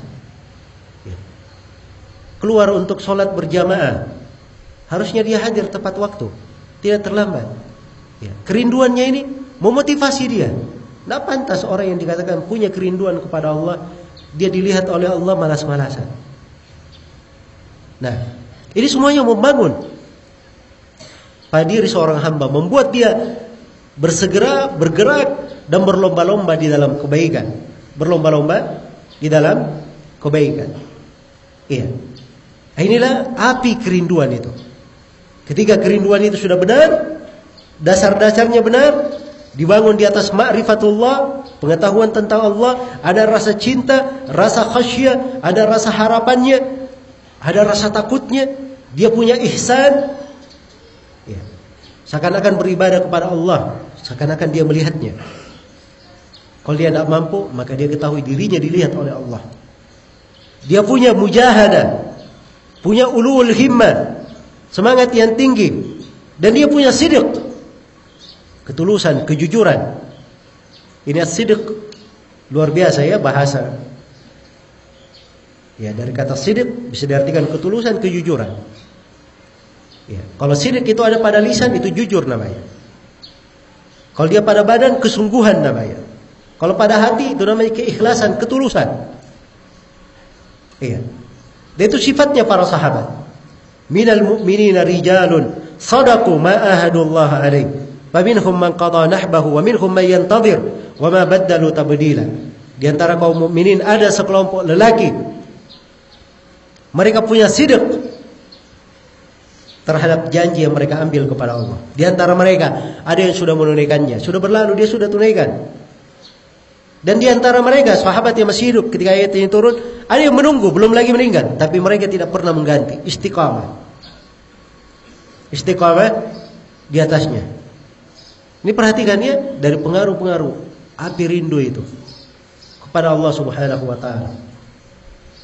Mewarnai banyak hal dari banyak penghambaannya. Karena itu wajar ya kalau dibahasakan oleh para ulama bahwa ini adalah nikmat yang paling tinggi di dunia apabila diberikan kepada seorang hamba. Iya. Tapi ini perlu dipupuk. Perlu dikembangkan, ditumbuhkan. Selalu dirawat, selalu dijaga. Dipelajari dari ilmunya. Dia cintai dari ilmu agama. Dia cinta mempelajari Asmaul Husna. Hatinya itu menyatu dengan tauhid. Ya, tahu ya orang-orang yang menyatu dengan tauhid. Orang-orang yang kalau tauhid itu sudah menyatu di hatinya, dia bicara apa saja ada hubungannya dengan tauhid. Ada hubungannya dengan apa? Dengan tauhid. Dan itu harusnya kelihatan pada seorang dai seperti itu. Seorang yang berdakwah di jalan Allah. Jangan cerita saya. Saya ahli sunnah berdakwah kepada tauhid, tapi tidak ada buktinya di perbuatannya. Iya. Tidak kelihatan keseriusan. Kalau ada cuma sambilan saja. Atau ada cuma formalitas, seakan-akan formalitas saja. Sebagai legalisasi bahwa dia adalah dai tauhid, maka dia pernah mengajarkan kitab tauhid misalnya. Padahal harusnya dia kelihatan warna tauhid pada pembicaraan-pembicaraannya. Perhatiannya. Prioritasnya. Kebanyakan yang dia buat untuk umat adalah itu. Karena manusia tidak akan selamat dari api neraka kecuali dengan tauhid. Bagaimana ditelantarkan yang lain? Ya. Dia telantarkan yang lain. Seperti sekarang ini ya kita sering lihat orang-orang kesibukan. Ini sudah terjadi dari masa dahulu. Masa dahulu itu ada orang-orang yang senangnya mencari hati manusia. Yang penting banyak orang berkumpul di majelisnya. Senang hadir. Ya. Akhirnya ada yang terkenal sebagai tukang kisah. Dia kerjanya kasih kisah saja. Kalau dia pasti kisah, kisah, kisah, kisah. Iya. Jelas ya? Ini pendidikan terjadi pada sebagian manusia. Dan memang tabiat manusia kadang seperti itu dia senang hal-hal yang seperti itu, cari yang mudah-mudahnya. Tapi begitu diajar memahami fikih jiwanya Baru kelihatan. Baru kelihatan mana jiwa yang benar-benar mau belajar ikut sunnah dan mana jiwa yang masih liar. Jiwa yang pembangkang. Ya. Itu kelihatan di jiwa itu. Dan ketika ingin mendidik seseorang, ya, maka dididik dengan hal yang paling baiknya. Ini dakwanya para nabi dan para rasul. Rasulullah memulai dari sini. 13 tahun beliau di Mekah berdakwah kepada tauhid. Sholat itu nanti di akhir fase Mekah. Iya. Di akhir fase Mekah. Sepuluh tahun diwarnai dengan tauhid. Di akhir hayat beliau tauhid. Makanya harusnya kelihatan pada orang-orang yang mengajak kepada tauhid. Mengajak kepada tauhid. Jangan sibuk dengan urusan-urusan kadang ya seluruh perkara agama kita hormati, kita agungkan, kita muliakan. Ya. Ada hal-hal yang bagus. Tapi jangan itu-itu aja terus kerjanya. Bagaimana menjadi suami yang solih, istri yang solih. Ini saya nggak singgung siapa-siapa ya, cuman harus ditahu ya bahwa ciri seorang yang berdakwah kepada tauhid itu ada cirinya. Kelihatan. Seorang dai itu manhatnya kayak bagaimana? Iya. Jelas ya? Dan yang membuktikan benarnya ucapan seseorang adalah perbuatannya. Itu yang membuktikannya. Tidak cukup dia berucap berucap, saya begini dan begini, tapi perbuatannya menyelisih dari ucapannya. Baik. Kemudian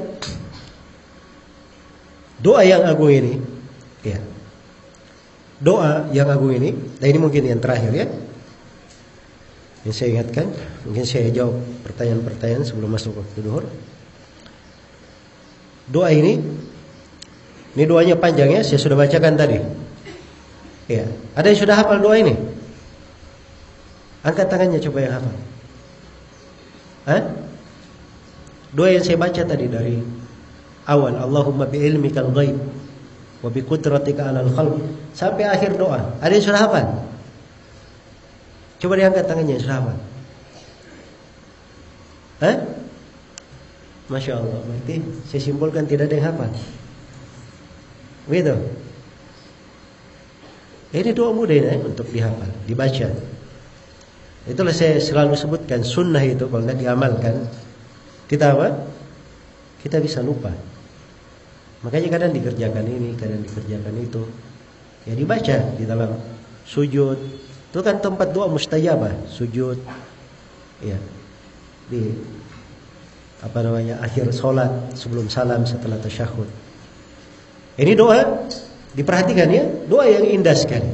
Allahumma bi ilmikal ghaib wa bi qudratika 'alal khalq ahyini ma alimta al hayata khairan li wa tawaffani idza alimta al wafata khairan li. Allahumma wa as'aluka khashyataka fil ghaibi wasyahada wa kalimatal haqq fil ghadab war ridha atau fil ridha wal ghadab wal wal ghina wa as'aluka.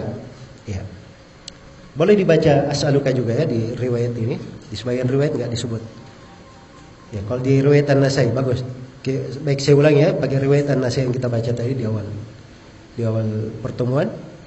Allahumma wa as'aluka khasyataka fil ghaibi wasyahada kalimatal haqq fil ridha wal ghadab وأسألك القصد في الغنى والفقر وأسألك نئيما لا ينفد وأسألك قرة عين لا تنقطع وأسألك الرضا بعد القضاء وأسألك برد العيش بعد الموت. Kemudian pembahasan kita وأسألك apa? لذة النظر إلى وجهك والشوق إلى لقائك. fi ghairi dharra'a mudirratin wala fitnatin mudillah. Allahumma zayyinna bi zinatil iman waj'alna hudatan muhtadin. Ini luar biasa ya doa ini. Ya. Dari pokok-pokok agama ada di dalam doa ini. Usulul iman ada di dalamnya. Dari usul iman ada di dalam doa ini. Dan doa ini ya. Ini harusnya membuat kita yakin bahwa perjumpaan dengan Allah itu pasti. Karena itu di antara doa yang dibaca oleh Nabi di sholat malam ya Allahumma antal haq wa wa'dukal haq wa liqa'ukal haq. Ya Allah engkau adalah maha benar. Janjimu adalah maha benar. Janjimu adalah benar. Dan perjumpaan denganmu adalah benar. Kita semua akan berjumpa dengan Allah. Mau atau tidak mau. Suka atau tidak suka. Siap atau tidak siap ridha maupun tidak Semuanya akan menghadap kepada Allah dan berjumpa dengannya. Semuanya akan menghadap kepada Allah dan berjumpa dengan Allah. Dan kerinduan berjumpa dengan Allah itu punya pengaruh sampai di sakaratul maut. Dalam hadis Aisyah riwayat Bukhari dan Muslim, Rasulullah sallallahu alaihi wasallam bersabda, "Man ahabba liqa Allah, ahabba Allah liqa'ah. Wa man kariha liqa Allah, kariha Allah liqa'ah." Barang siapa yang cinta berjumpa dengan Allah, Allah akan cinta berjumpa dengannya. Dan barang siapa yang benci berjumpa dengan Allah, Allah benci berjumpa dengan Allah. Allah berji berjumpa dengannya. Seorang sahabat yang bernama Sa'ad bin Mu'ad radhiyallahu taala anhu. Ketika beliau meninggal, Rasulullah bersabda, ihtazza arsyur rahman bimauti Sa'ad bin Ubadah telah bergetar arsy ar-rahman bergetar karena gembiranya dengan meninggalnya siapa? Sa'ad bin Mu'ad. Ada hamba-hamba yang seperti itu. Ya. Ketika dia meninggal, penduduk dunia menangisinya, tapi penduduk langit mengembirakannya. Bergembira dengannya. Dan ini yang paling baiknya. Tapi di antara manusia ada yang nas'allah yang kalau dia meninggal yastarihu minhul ibad wal bilad. Kalau dia meninggal maka hamba-hamba beristirahat darinya. Bahkan bumi yang dia pijak beristirahat darinya. Karena banyaknya kerusakan yang dia buat. Sehingga ketika dia meninggal, orang suka dan bergembira dengan hal tersebut. Iya. Karena itu ini dari doa yang sangat agung yang hendaknya selalu kita panjatkan. Kita memohon kepada Allah dengan kesungguhan. Kita bangun dari kandungan-kandungannya, dari makna-maknanya. Ada sebab-sebabnya tadi. Bagaimana kita memunculkan hal tersebut, menjaga dan memeliharanya. Ya dan namanya hal yang baik itu dijaga dari perkara-perkara yang bisa merusaknya. Maka dijaga hal tersebut dari ria, dari sum'ah, dari ketidakikhlasan, dari dosa, dari maksiat, merasa ujub, ya. Dijaga dari kelalaian, dijaga dari ghaflah, dijaga dari segala hal yang bisa membahayakannya. Maka dia menjadi seorang hamba yang selalu ingat kepada Allah, selalu berzikir kepadanya, melakukan ibadah dan ketaatan. Ya. Selalu meninggikan dari segala yang ditinggikan oleh Allah Subhanahu wa taala dan diagungkan di dalam syariatnya. Maka ini beberapa makna yang terkait dengan doa yang agung ini. Semoga ada manfaatnya untuk seluruh hadirin dan saya memohon kepada Allah Subhanahu wa taala semoga kita semua tergolongkan kepada hamba-hambanya yang ampuni segala dosa dan kesalahannya sebagai hamba-hambanya yang dipenuhi hati-hatinya dengan keimanan kepadanya dipenuhi dada-dadanya dengan pengetahuan terhadap Allah Subhanahu wa taala, kecintaan dan kerinduan untuk berjumpa dengannya. Dan semoga Allah Subhanahu wa taala menjadikan kita semua sebagai hamba-hamba yang selalu apabila dia mendapatkan nikmat dia bersyukur, apabila ditimpa oleh ujian dia bersabar, dan apabila dia jatuh di dalam kekeliruan dia selalu bertobat dan beristighfar. Sebab ini adalah dari pokok kebahagiaan. Dan semoga Allah memberikan taufik kepada semuanya. Wallahu taala alam